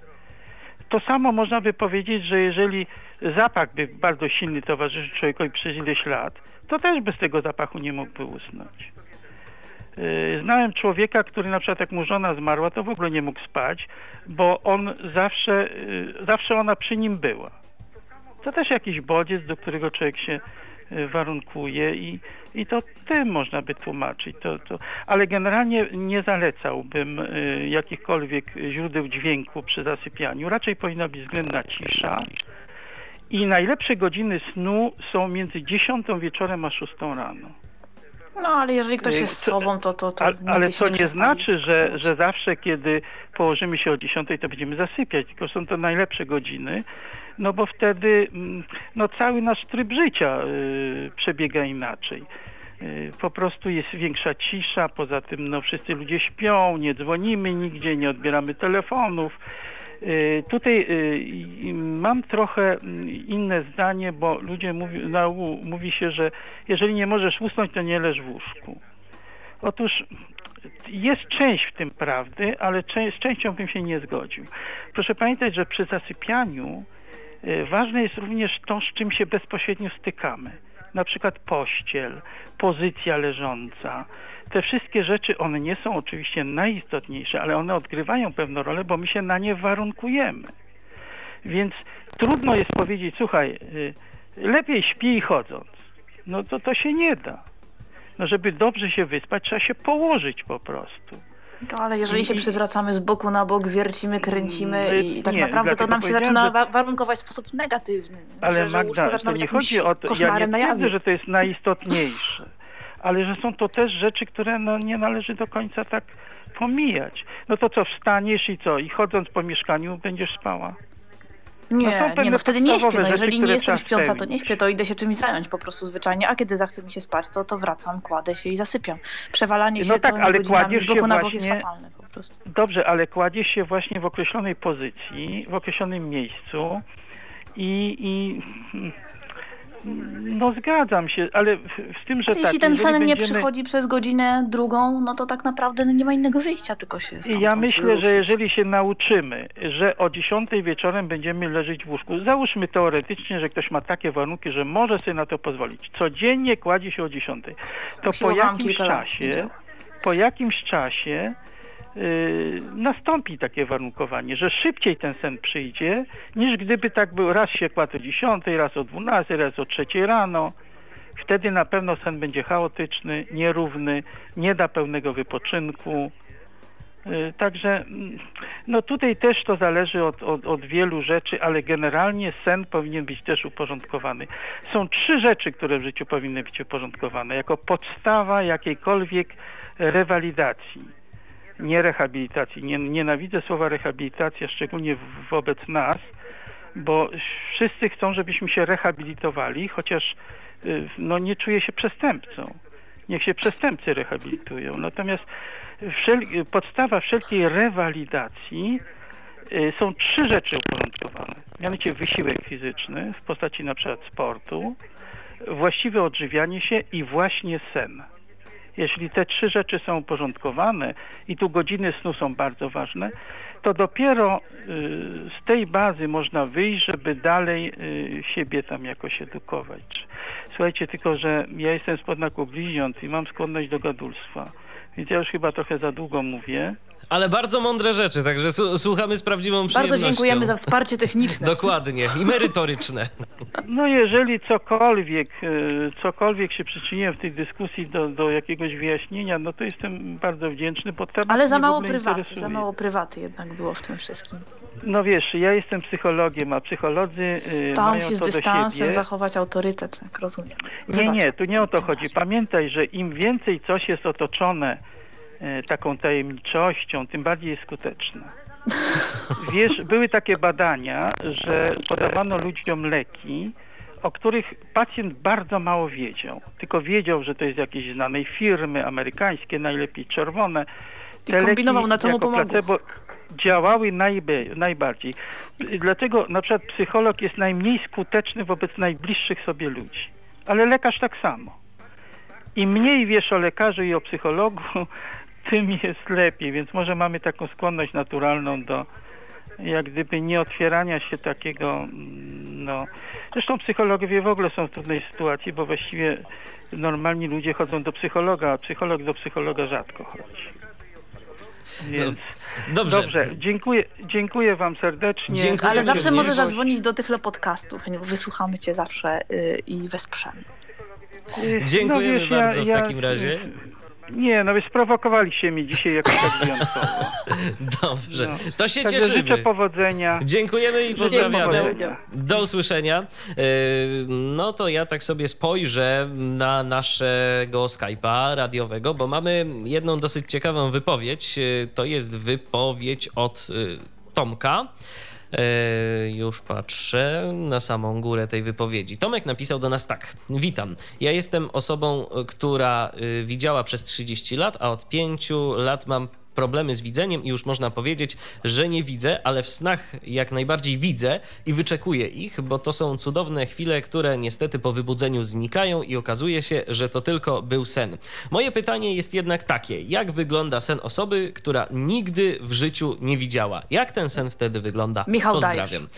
Dobrze. yy, Jak wygląda ten sen? On, ja mogę powiedzieć tyle, Tomku. Najbardziej krótko jak się da, ale oczywiście no, postaram się powiedzieć coś więcej. On w ogóle nie wygląda. Ten sen w ogóle nie wygląda.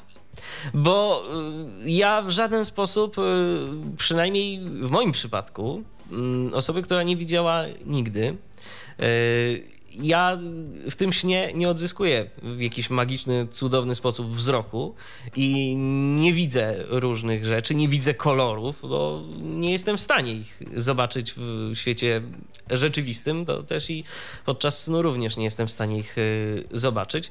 Y, Jedyne co, no to wiadomo, gdzieś tam przede wszystkim, ja takie mam wrażenie, zmysł słuchu gdzieś y, jest aktywny, bo przede wszystkim słyszę i to jest, te sny są głównie w oparciu o dźwięki. Zapachów, szczerze mówiąc, nie jestem sobie w stanie przypomnieć. Nie jestem sobie w stanie też przypomnieć jakichś takich y, rzeczy, że w trakcie snów y, czegoś gdzieś tam dotykał jakoś bardzo intensywnie. A informacje o fakturze czegoś masz? O temperaturze? Wiesz, że ja tego. Nie? Wiesz, że ja tego jakoś tak nie jestem w stanie yy, powiedzieć ze stuprocentową pewnością, że tak. Ja, mam, ja... mam tego bardzo dużo. Bardzo Ja dużo. mam- Właśnie ja mam faktura, takie- temperatura. Ja mam takie. Ja mam takie dziwne wrażenie bardzo często, że te sny rozgrywają się gdzieś. to jest też śmieszna sprawa, ale ja yy, te sny widzę jakby z perspektywy widzenia osoby trzeciej, z takiego obserwatora. Do którego te informacje w, w jakiś sposób przepływają, mimo tego, że ja w nich bezpośrednio uczestniczę. Ja nie jestem w stanie tego bardziej precyzyjnie. Mnie to jest bardziej opisać. wiedza niż widzenie, Tak, tak? Tak, jest- tak, no tak, tak, tak, tak, no. tak. To jest coś, to jest, to jest coś w tym, coś, coś właśnie w ten deseń. Ale nieraz wchodzi się y, w daną postać, czy, czy w ogóle nieraz tak fajnie, takie przybliżenie. ale to jest zoom, bardzo- zoom się robi, obserwujesz scenę, Tak. robisz zoom i wchodzisz w to. Tak, nie? ale to jest bardzo rzadkie. To jest bardzo rzadkie. Natomiast y, większość tych snów, y, poza tym, szczerze powiedziawszy, ja bardzo mało snów zapamiętuję. Y, jest gdzieś tam, gdzieś tam trochę takich snów, szczególnie tych jakichś takich naprawdę dosyć, dosyć drastycznych. Y, ale ja myślę, że to nawet nie jest kwestia tego, co mi się śni częściej, czy, czy koszmary, czy jakieś y, sny przyjemne, tylko chyba w ogóle mamy tak, że te gorsze rzeczy jakoś bardziej nam wbijają się w pamięć. Niemniej jednak, no tak, tak jak powiedziałem, to nie jest coś takiego, że ten sen determinuje mi na przykład y, cały dzień, że ja się budzę i ojej, a, a, a może ten so- sen coś znaczył, a może mnie na przykład teraz coś tam będzie czekało, ale nie, no taki, taki sen beznadziejny był, to już cały dzień jest Ja myślę, że to jest też takie Nie. uwarunkowanie. Jak moja babcia y, rano pytała mnie, a co ci się śniło? O, to to znaczy to, czy tamto, czy śmanto, czy owanto, tak? I ona bardzo mocno wierzyła w to, co jej się śniło i że jej się to sprawdzało. Ja nie przyjęłam tego systemu, ja przyjęłam zupełnie inny swój, y, no, taki własny, o czym już wcześniej też mówiłam. Podobno zresztą też niewidomym e, śni się mnóstwo jeżeli już takich nieprzyjemnych, no bo koszmar może być e, lękiem, ale on też może być e, no, smutek, obrzydzenie, no różnego rodzaju rzeczy się śnią, takie negatywne, ale przeważnie też podobno, podobno, takie informacje znalazłam w internecie. Y, Są to sny związane z różnymi lękami mm, związanymi z orientacją przestrzenną, y, z komunikacją. z transportem, tak? Że, że jakieś takie rzeczy, które się wydarzają w terenie właśnie, jakieś wypadki, jakieś zagubienia w tym terenie, jakby no, no coś, co nas bezpośrednio może dotyczyć, dotykać, czego się mm, boimy mniej lub bardziej świadomie. Ja terenu akurat to, to, to, to nie potwierdzę, natomiast ja nie rzeczywiście, natomiast rzeczywiście czasem yy, śni mi się taka sytuacja i jakby sceneria mm, tych snów, yy, to mogę powiedzieć, to jest duża, otwarta przestrzeń, w której nie masz tak naprawdę żadnych punktów orientacyjnych. I gdzieś tam rzeczywiście jest jakaś inna na przykład postać, jakie, jakieś coś, ale nie masz, jakby wiesz, nie masz do czego się odnieść poza ewentualną tą postacią, która gdzieś tam jest i która też y, uczestniczy w tym śnie. To, ja często na przykład znam teren, zresztą wielokrotnie powtarza mi się sen, w danym terenie jest oczywiście tych obszarów ileś tam, ileś budynków, ileś całych obszarów, gdzie się poruszam w rzeczywistości, nie miałam do czynienia z czymś takim, chociaż z pewnością są to jakieś przekształcenia y, okolic, które znam, tak normalnie z życia. I ja tam się poruszam y, i to są jakieś elementy stałe, a zmienia się oczywiście no, postaci, fabuła, cała tego snu się zmienia, natomiast często sam ten teren się powtarza. Gdzieś mhm. to otoczenie. Więc no to też jest takie, mówię, ciekawe. Kiedy śniły mi się różnego rodzaju o, o tych lękach, co mm, wcześniej opowiadałam. Na przykład właśnie miałam coś takiego, że ojej, wyszłam na miasto, no, kiedyś mi się zdarzyło to naprawdę, było troszkę zabawne, kiedy wyszłam mm, już na przystanek i nagle się okazało, że, że wyszłam bez laski, taka zamyślona po prostu, że to był mój teren oczywiście dobrze znany, to dopiero na przystanku, a ponieważ już przeszłam ulicę, przeszłam na drugą stronę i się zorientowałam, że nie ma tej laski, i w tym momencie taki strach, no Boże, to jak ja teraz wrócę do domu po tą laskę?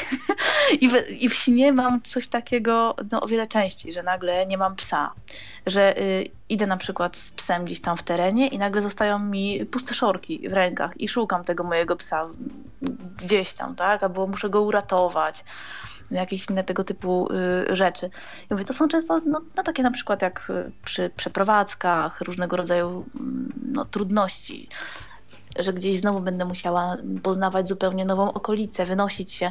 No przecież wyemigrowałam dwa lata temu, więc no to też automatycznie był skok na głęboką wodę. Też oczywiście miałam przeróżne y, związane z tym, no jakieś tam swoje obawy, które się objawiały w snach. Ale to, to mówię, to raczej nie, nie, nie wiem, czy nie, wiem skąd akurat były te dane wzięte, bo o dźwiękach to, się, to się potwierdza, a jeśli chodzi o te komunikacyjne jakieś problemy, no to chyba, chyba niekoniecznie. Nie, ja, te, ja, tego też, ja tego też nie potwierdzam. Ja muszę powiedzieć, że na przykład często w snach y, tych, y, tych jakichś takich przyjemniejszych, fajniejszych to mi się śni radio na przykład. Y, studio radiowe i wszystko, co się z tym wiąże. No ale to raczej nie jest reguła, słuchajcie. To, to, to, chyba, to chyba nie jest reguła. To, to, to, to po prostu chyba tutaj albo jakieś rzeczy, albo jakieś rzeczy związane też właśnie z komputerami, ale to z komputerami związane na przykład z moją gdzieś tam pracą, że na przykład, nie wiem, y, jest sen, powiedzmy, telefon wysypał się jakiś serwer y, albo, albo coś, coś u kogoś gdzieś nie działa i trzeba, to, i trzeba to naprawić. Ja to próbuję naprawić, nie mogę tego naprawić, a naprawić to trzeba bardzo szybko, tego, tego typu rzeczy, ale to podejrzewam, że to już jest uwarunkowane przez zawód, jaki wykonuję. I no, nie przekładałbym tego najzwyczajniej w świecie gdzieś szerzej.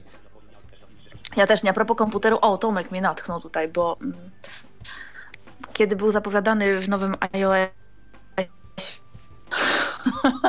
sposób wpisywania bezwzrokowego bezpośredniego, to my z Tomkiem zażądaliśmy, żeby był również system przechwytywania myśli.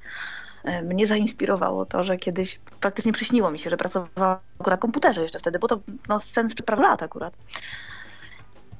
I sterowałam za pomocą myśli. To było bardzo fajne, bardzo wygodne.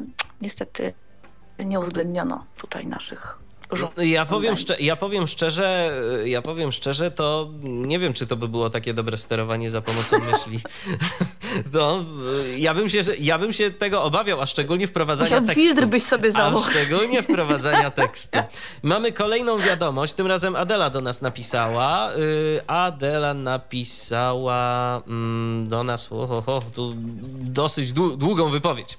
A ja czasami miewam takie sny, że po obudzeniu mam wrażenie, że się patrzyłam na jakiś film, że one są mm, takie długie i przede wszystkim, ja na to mówię, żywe.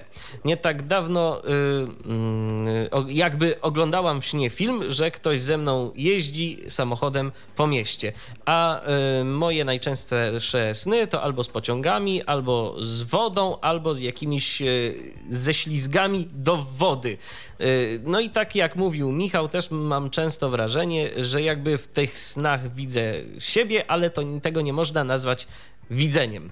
Yy, taka wypowiedź Adeli. Pozdrawiamy serdecznie i czekamy oczywiście jeszcze na kolejne wypowiedzi. Jeżeli ktoś by chciał coś dodać do tej naszej dzisiejszej audycji, no, która cieszy się, trzeba przyznać, dość y, sporym odzewem. Powodzenia. Tak, no i bardzo dobrze. No widać, że się chcecie podzielić y, z nami, a przede wszystkim z pozostałymi słuchaczami Tyfloradia i Tyflo Podcastu swoimi wrażeniami, jeżeli chodzi o sny. No, to jest taka bardzo indywidualna rzecz dla każdego, mam takie wrażenie, te sny, ale można tu y, jednak zebrać pewne części wspólne. Zresztą nie ukrywam, że ja sama byłam bardzo ciekawa doświadczeń też innych osób, dlatego uparłam się na taki temat. No i bardzo dobrze. 123 834 835 to nasz telefon, tyflopodcast.net, pisane tyflopodcast.net to jest nasz Skype. O, mamy telefon. Mamy telefon, już, już odbieram. Mam nadzieję, że mi się uda odebrać. O, jest. Jest z nami tym razem Roberto. Witamy cię, Roberto. Dobry wieczór, witam Dobry serdecznie, wieczór. pozdrawiam wszystkich słuchaczy. No, ja nie mogłem niestety słuchać, chyba ostatnie 20 minut nie słuchałem, ale i tak bym chciał powiedzieć, teraz też coś dodać do tej e, waszej bardzo ciekawej audycji, trzeba powiedzieć. No, e, jeżeli chodzi o moje sny, to jestem niewidomy od urodzenia i też mogę powiedzieć, że są dźwiękowe i dotykowe i tak dalej. No i bardzo chaotyczne, to trzeba powiedzieć. Nie podam teraz konkretnego przykładu, ale, ale naprawdę ja mam bardzo chaotyczne sny. E, chaotyczne, czyli takie bardzo, czyli takie bardzo abstrakcyjne, tak? Takie, no takie, że może się w nich zdarzyć, Wszystko. może. Że, tak, dokładnie. To jest. ja no tak. No, ale co ja chciałem przede wszystkim powiedzieć, że ja już dość długi czas mam problemy z regulacją zegaru biologicznego. Z regulowaniem zegaru biologicznego. To jest mm, taki mój problem. Ja, ja, z tym niby mam problemy, a jakoś tam przeżywam. No, po prostu e, chodzi o to, że nie wiem, no po prostu bardzo szybko mi się to zawsze uda rozregulować, a potem jest y, trudno, trudno to znowu ustawić tak, żeby to było tak, tak jak powinno być. Bo ja po prostu, no nie wiem, chyba tak jak większość niewidomych, nie wiem, ale ja to mam po prostu tak, że mam dzień i noc, ale to może być kiedykolwiek. No. Coś w tym jest. Także, także tak to jest. I no, jak mam ten zegar biologiczny, zegar biologiczny rozregulowany, to on mi się rozregulowuje cokolwiek ja robię. Na przykład, o właśnie, zeszłą sobotę, no mam to rozregulowane, tam nie spałem w piątek za dużo, no bo trzeba było do szkoły iść i tak dalej. Zasnąłem mm, późno w piątek się obudziłem, cały dzień nie spałem, no i potem wieczorem zasnąłem kiedyś o 11, o 23, yy, obudziłem się, o właśnie, przed siódmą, zasnąłem po ósmej i obudziłem się przed dwunastą, żeby po prostu ten, żeby, żebym się obudził znowu wtedy, kiedy jakby wtedy to jest, to było naturalne i jest teraz, bo to, to, to było zeszłą sobotę, także to jest mój teraz stan, jaki ja mam. No i słyszałem, że działa witamina B12, czy co? Próbowałem i to naprawdę jakoś tam działało. Kiedyś tam próbowałem. No ale potem znowu mi się to rozregulowało. No także, także nie wiem. Ale no. to właściwie, jeżeli ktoś ma niedobory, a jeżeli jest w normie. Roberto, ja Tak. powiem, ci, ja powiem ci jedno. Ja pamiętam y, swoje szkolne czasy, to muszę powiedzieć, że dla mnie y, wstawanie ranne to też była istna zmora. Tak. Koszmar, Dlatego- słuchajcie, tak. koszmar. Ja czekałam tylko, kiedy pójdę do pracy i sobie zrobię pracę popołudniową. Dlatego, że ja, dlatego, że albo nocną. Oczywiście. Dlatego, że ja po prostu y, i tak czy inaczej, no to godzina druga czy godzina trzecia to była godzina standardowa, o której ja się kładłem spać, a wstawać musiałem o Dokładnie. godzinie siódmej. No efekt, tak. tego, efekt tego był taki, że później, y, kiedy wracałem do domu, y, no chcąc nie chcąc, usypiałem. Usypiałem na jakiś krótki czas i po prostu ja się wtedy tak beznadziejnie czułem, że naprawdę już się wtedy musiałem pilnować, żeby nie, żeby nie spać, bo po prostu wtedy cały dzień był już taki beznadziejny, taki bardzo senny, a najgorsze było to, że ja się rozkręcałem, rozbudzałem w okolicach godziny 23 dopiero. No i znowu y, kółeczko się zamyka, tak? Znowu gdzieś do godziny drugiej, trzeciej y, byłem w stanie Miałeś, jako tako miałeś to szczęście, że nie byłeś w internacie. No nie byłem w Tylko, przez, tylko przez 4 lata pośrodku podstawówki. Ale no niemniej jednak, dlatego też y, y, o czym Henio mówił, że jeżeli ktoś będzie regularnie, ja regularnie byłam zapędzana do łóżka, oczywiście, wiadomo jak to jest w internacie, jest cisza nocna, nie wolno tego, tamtego, owego, y, od rana dyżur, zbiórka, cuda nie widy. Natomiast absolutnie nie. Właśnie tam zaczęły się moje największe problemy i z bezsennością, i z koszmarami, z którymi tak naprawdę poradziłam sobie dopiero wiele, wiele lat później. Mhm. Także to, to, to niekoniecznie akurat pomaga. Myślę, że No to ja- są dosyć indywidualne Mhm. rzeczy. No ja mogę powiedzieć, no, że jak ja w nocy nie mogę zasnąć, to co, no robię tam sobie coś, no bo to jest bez sensu. Ewentualnie słucham, no słucham radia najczęściej. Ym, bo ciszy się trochę, także to jest taka, jest taka może trochę personalna rzecz, ale po prostu słucham radia najczęściej, czy tam, no tyflo radia najczęściej, to muszę powiedzieć. Bo to mi się podoba właśnie, Bardzo że dobrze, bo cały tylko czas się Tyfloradia mówi. należy słuchać. No tego nie, nie powiem, ale tam cały czas się mówi i to mi się właśnie podoba. No i tak Czyli dalej. do ciebie bardziej przemawia gdzieś tam, powiedzmy, słowo mówione przy, Tak. przy zasypianiu niż muzyka. Tak, tak. Ja też wolę, dlatego tak bardzo lubiłam stary Tok FM. No to, to fakt. Ja teraz, ja teraz sobie czasem y, włączam po prostu jakąś, jakąś właśnie książkę, ewentualnie jakieś programy Stock FM w Mhm. formie y, aplikacji na iOS-a. Tyfloradia... Która działa świetnie zresztą. Tak, dokładnie. Tyfloradia, no muszę powiedzieć, nie słucham, bo ja te audycje wszystkie to znam. Już No tak, tak, tak. Tak. Nie, sam nie- siebie będziesz słuchał. No- Właśnie no Michał, jak, dokładnie. jak ty odbierasz y, sam siebie? Y, Słuchasz? Sprawia ci to frajdę? Bo mnie na przykład Nie. nie. Ja tylko technicznie ewentualnie przesłucham. Y, Właśnie, wiesz co, właśnie, właśnie ja Mhm. też pod tym względem. Ja sobie robię od czasu do, do czasu tak zwany air check yy, i Mhm. po prostu sobie słucham. Chociaż y, bardziej to do tego wagę przywiązywałem w momencie audycji takich typowo muzycznych, które kiedyś prowadziłem. Może też kiedyś do tego gdzieś tam wrócę, ale bardziej, bardziej w ten sposób. Y, Słuchałem sobie tych swoich wejść antenowych i o, tu, tu, tu, tu zagadałem intro, dobrze, a tu było y, a nie powinno być tego y. Mnie też to irytuje, jak A siebie słucham. tu Jakieś przydźwięki, tu za szybko, tu tak. za wolno, tutaj nie To nie, tylko, tylko po prostu ja już w takich audycjach mówionych zdaję sobie w pełni sprawę, że to jest y, tak zwany spontan w większości. Oczywiście Mhm. spontan w jakimś tam stopniu przygotowany. Natomiast y, no, nie da się tu zrobić tego bardzo perfekcyjnie, bo trzeba by Nie, mieć ale później puścisz sobie, warsztat. puścisz sobie jakiś program publicystyczny, posłuchasz naszych wspaniałych, wielkich i od razu pozbędziesz się wszelkich kompleksów. A, co racja, to No, racja. widzicie, a ja włączam, po, przy, po, połączam tam laptopa z y, głośnikami tam od, mojej, od mojego urządzenia HiFi, na którym najczęściej właśnie radio, bo tam CD słucham, no i, i słucham Tyflo Radia, ewentualnie włączam naszą dwójkę czeską, bo ja z Czech jestem, także, także, mm, także tak to jest. A ja to BBC słowo mówione słucham po nocach. Aha. No dobra, no ale także, także tak to jest. Także ja, no jak, jak nie mogę zasnąć, no to zawsze coś tam, coś tam robię, ewentualnie słucham. Inna rzecz jest, że, jest, że właśnie no czasami niestety mi się zdarza, że, że w dzień śpię, no. To jest właśnie, Tak, a to, jest, a to jest niefajne, szczególnie jeżeli y, nie jesteśmy w domu sami, bo wtedy nie mamy Tak. możliwości, żeby się dobrze wyspać. Y, no tego ja nie powiem, ale no... po albo prostu- jeżeli po prostu, albo jeżeli... Nie, cały plan, cały plan dnia się rozwala, Tak. Dokładnie, o to chodzi, tak. Tak, to się, to się też zgadza, a poza tym no jeszcze jedna rzecz jest taka, że wtedy jesteśmy, tak rzeczywiście jak to mówił y, Henryk, jesteśmy narażeni na różnego rodzaju hałasy. Y, Czy u mnie na przykład pod blokiem, już teraz tego nie ma, ale kiedyś bardzo dużo budziło mnie o poranku nieparlamentarnych słów yy, panów, którzy stawiali blok sąsiedni. To, to, to, to już po prostu... Yy, zwłaszcza, że ja jeszcze śpię przy otwartym oknie, bo rzeczywiście, bo rzeczywiście lubię, jak jest ten przepływ powietrza.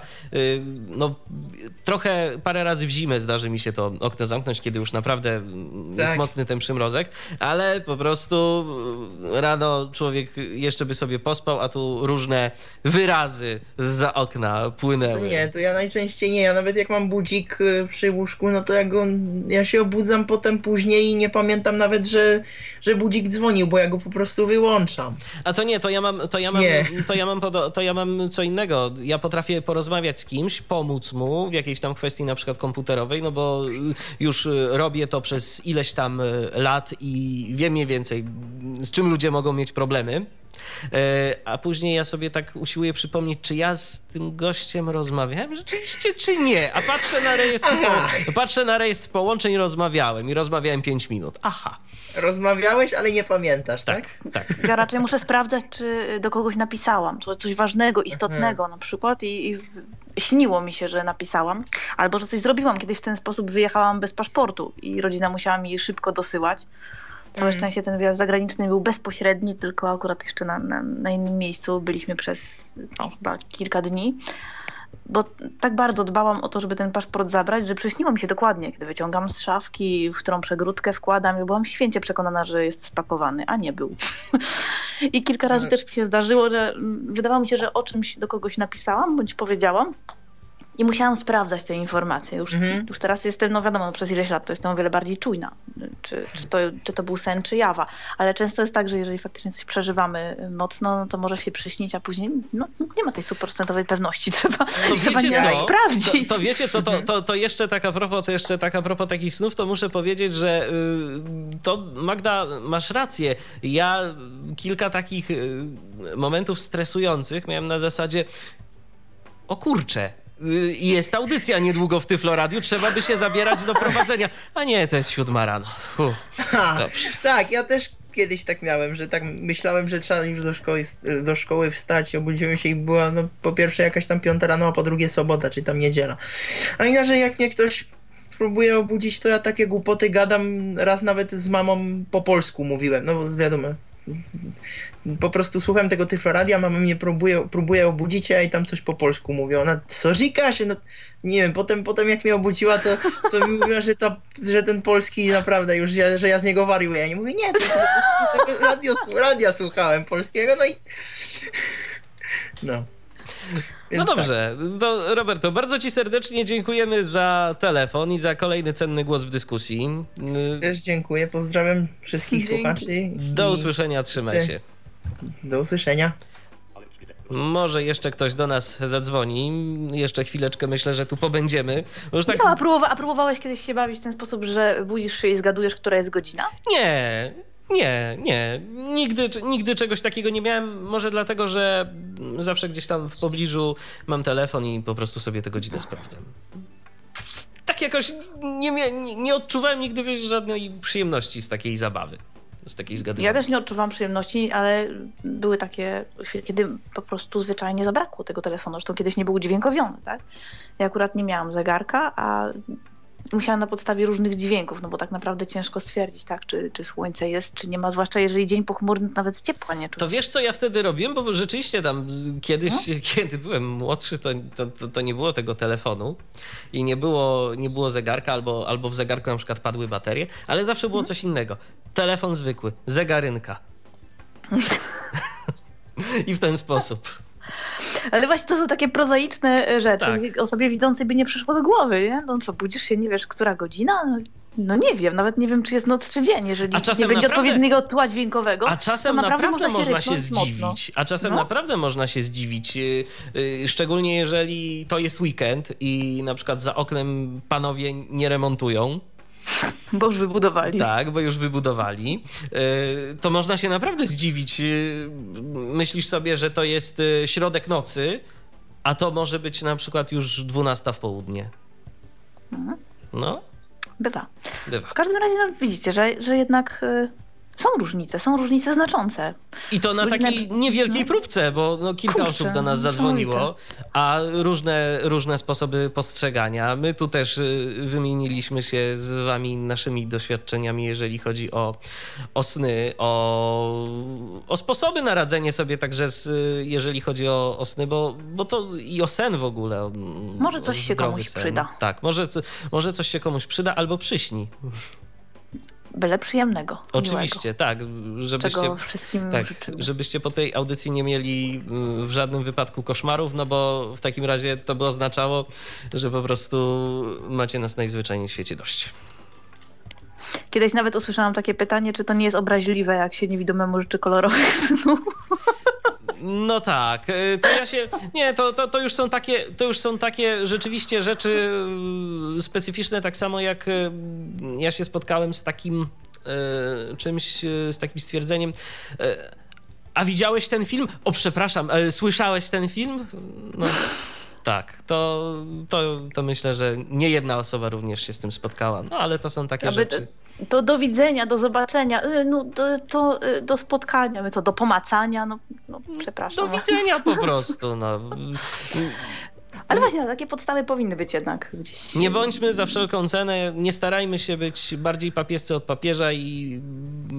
I widzący tak, inaczej. Tak, no widzący inaczej, y, dokładnie, pełno, pe, pełnosprawni, y, tak, inaczej, czy sprawni inaczej, czy jeszcze jakoś po prostu. Alternatywnie al- sensoryczni. al- tak, tak, tak, nie, nie, nie, nie, nie, po prostu. Y, to jeszcze, tak, jeszcze tak a propos mi się y, przypomniało, a propos tego, o czym mówił nasz słuchacz Henryk i a propos tego postrzegania różnych rzeczy przez osoby niewidome i słabowidzące, czy ociemniałe. Zresztą też mieliśmy swego czasu audycję dotyczącą w ogóle osób ociemniałych. Y, Zapraszamy serdecznie do odgrzebania jej w naszym archiwum przepastnym, tyflopodcastowym, jeżeli kogoś ten temat interesuje, bo tam też się ciekawe rzeczy pojawiły. Y, To mnie zawsze y, bardzo bawi, tak poza, poza kwestią snu. Takie niekiedy nawet poniekąd oburzenie, y, co po niektórych y, osób, y, które kiedyś widziały, teraz nie widzą na przykład. Jak mnie pytają, czy ja bym chciał odzyskać wzrok, ja mówię, że nie w zasadzie, bo musiałbym się wszystkiego uczyć od samego początku, od nowa na nowo i, i wcale by to nie było dla mnie takie proste. Mnie to nie oburza, ale dziwi niesamowicie. No tak, tylko Bo zwróć... brak wzroku jest moim absolutnie największym kompleksem w życiu, na które nic nie mogę poradzić.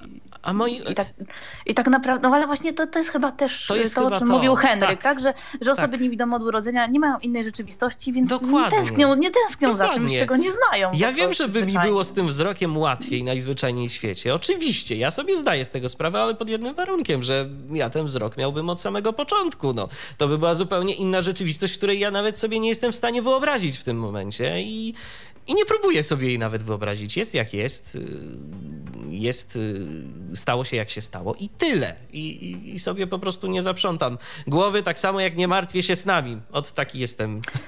E, Wiesz co, tak troszkę może też możemy podsumować. E, Tak. Dlatego, że jeśli chodzi o te sny, to myślę, że są faktycznie, w zależności od tego, to, to, to co Tomek napisał, że jeżeli teraz ma problem z, ze wzrokiem i prawdopodobnie całkowicie straci wzrok, e, no to cieszy się snami, które są kolorowe, których widzi.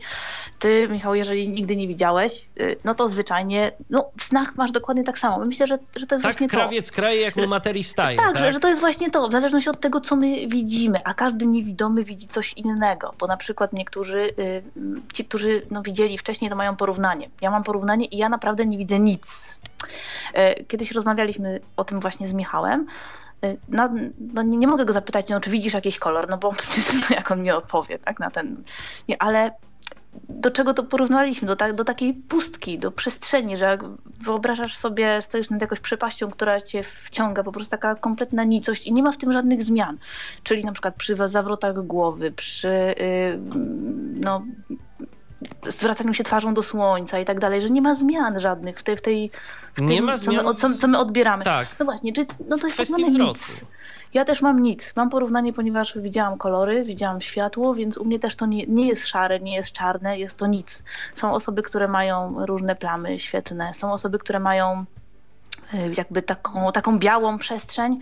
Zresztą chyba nawet w mieście ślepców w filmie było to wykorzystane, że te fragmenty, które miały imitować brak wzroku, były takie, takie rozjaśnione, rozbielone.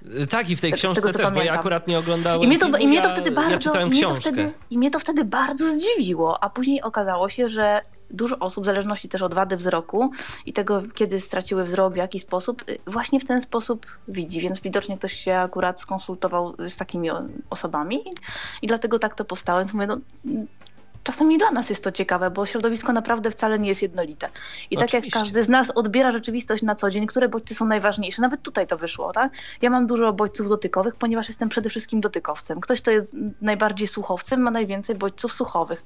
No i automatycznie oso- osoby widzące będą miały najwięcej tych y, mm, wzrokowych doświadczeń. W snach również, chociaż mówię, zaskoczyło mnie, że aż do tego stopnia jest zróżnicowanie, że, że przede wszystkim to są nawet nieme filmy bez większego udziału y, bodźców z różnych innych zmysłów pochodzących. Zgadza się. No i każdy, każdy ma coś innego, a podejrzewam, że jeszcze w komentarzach e, pod tą audycją, które mam nadzieję, że będą, e, również e, słuchacze, którzy mm, będą słuchać tego programu jako pliku MP3, e, jako podcastu, również coś dodadzą od siebie, bo jesteśmy naprawdę bardzo ciekawi waszych wrażeń, jakichś sennych.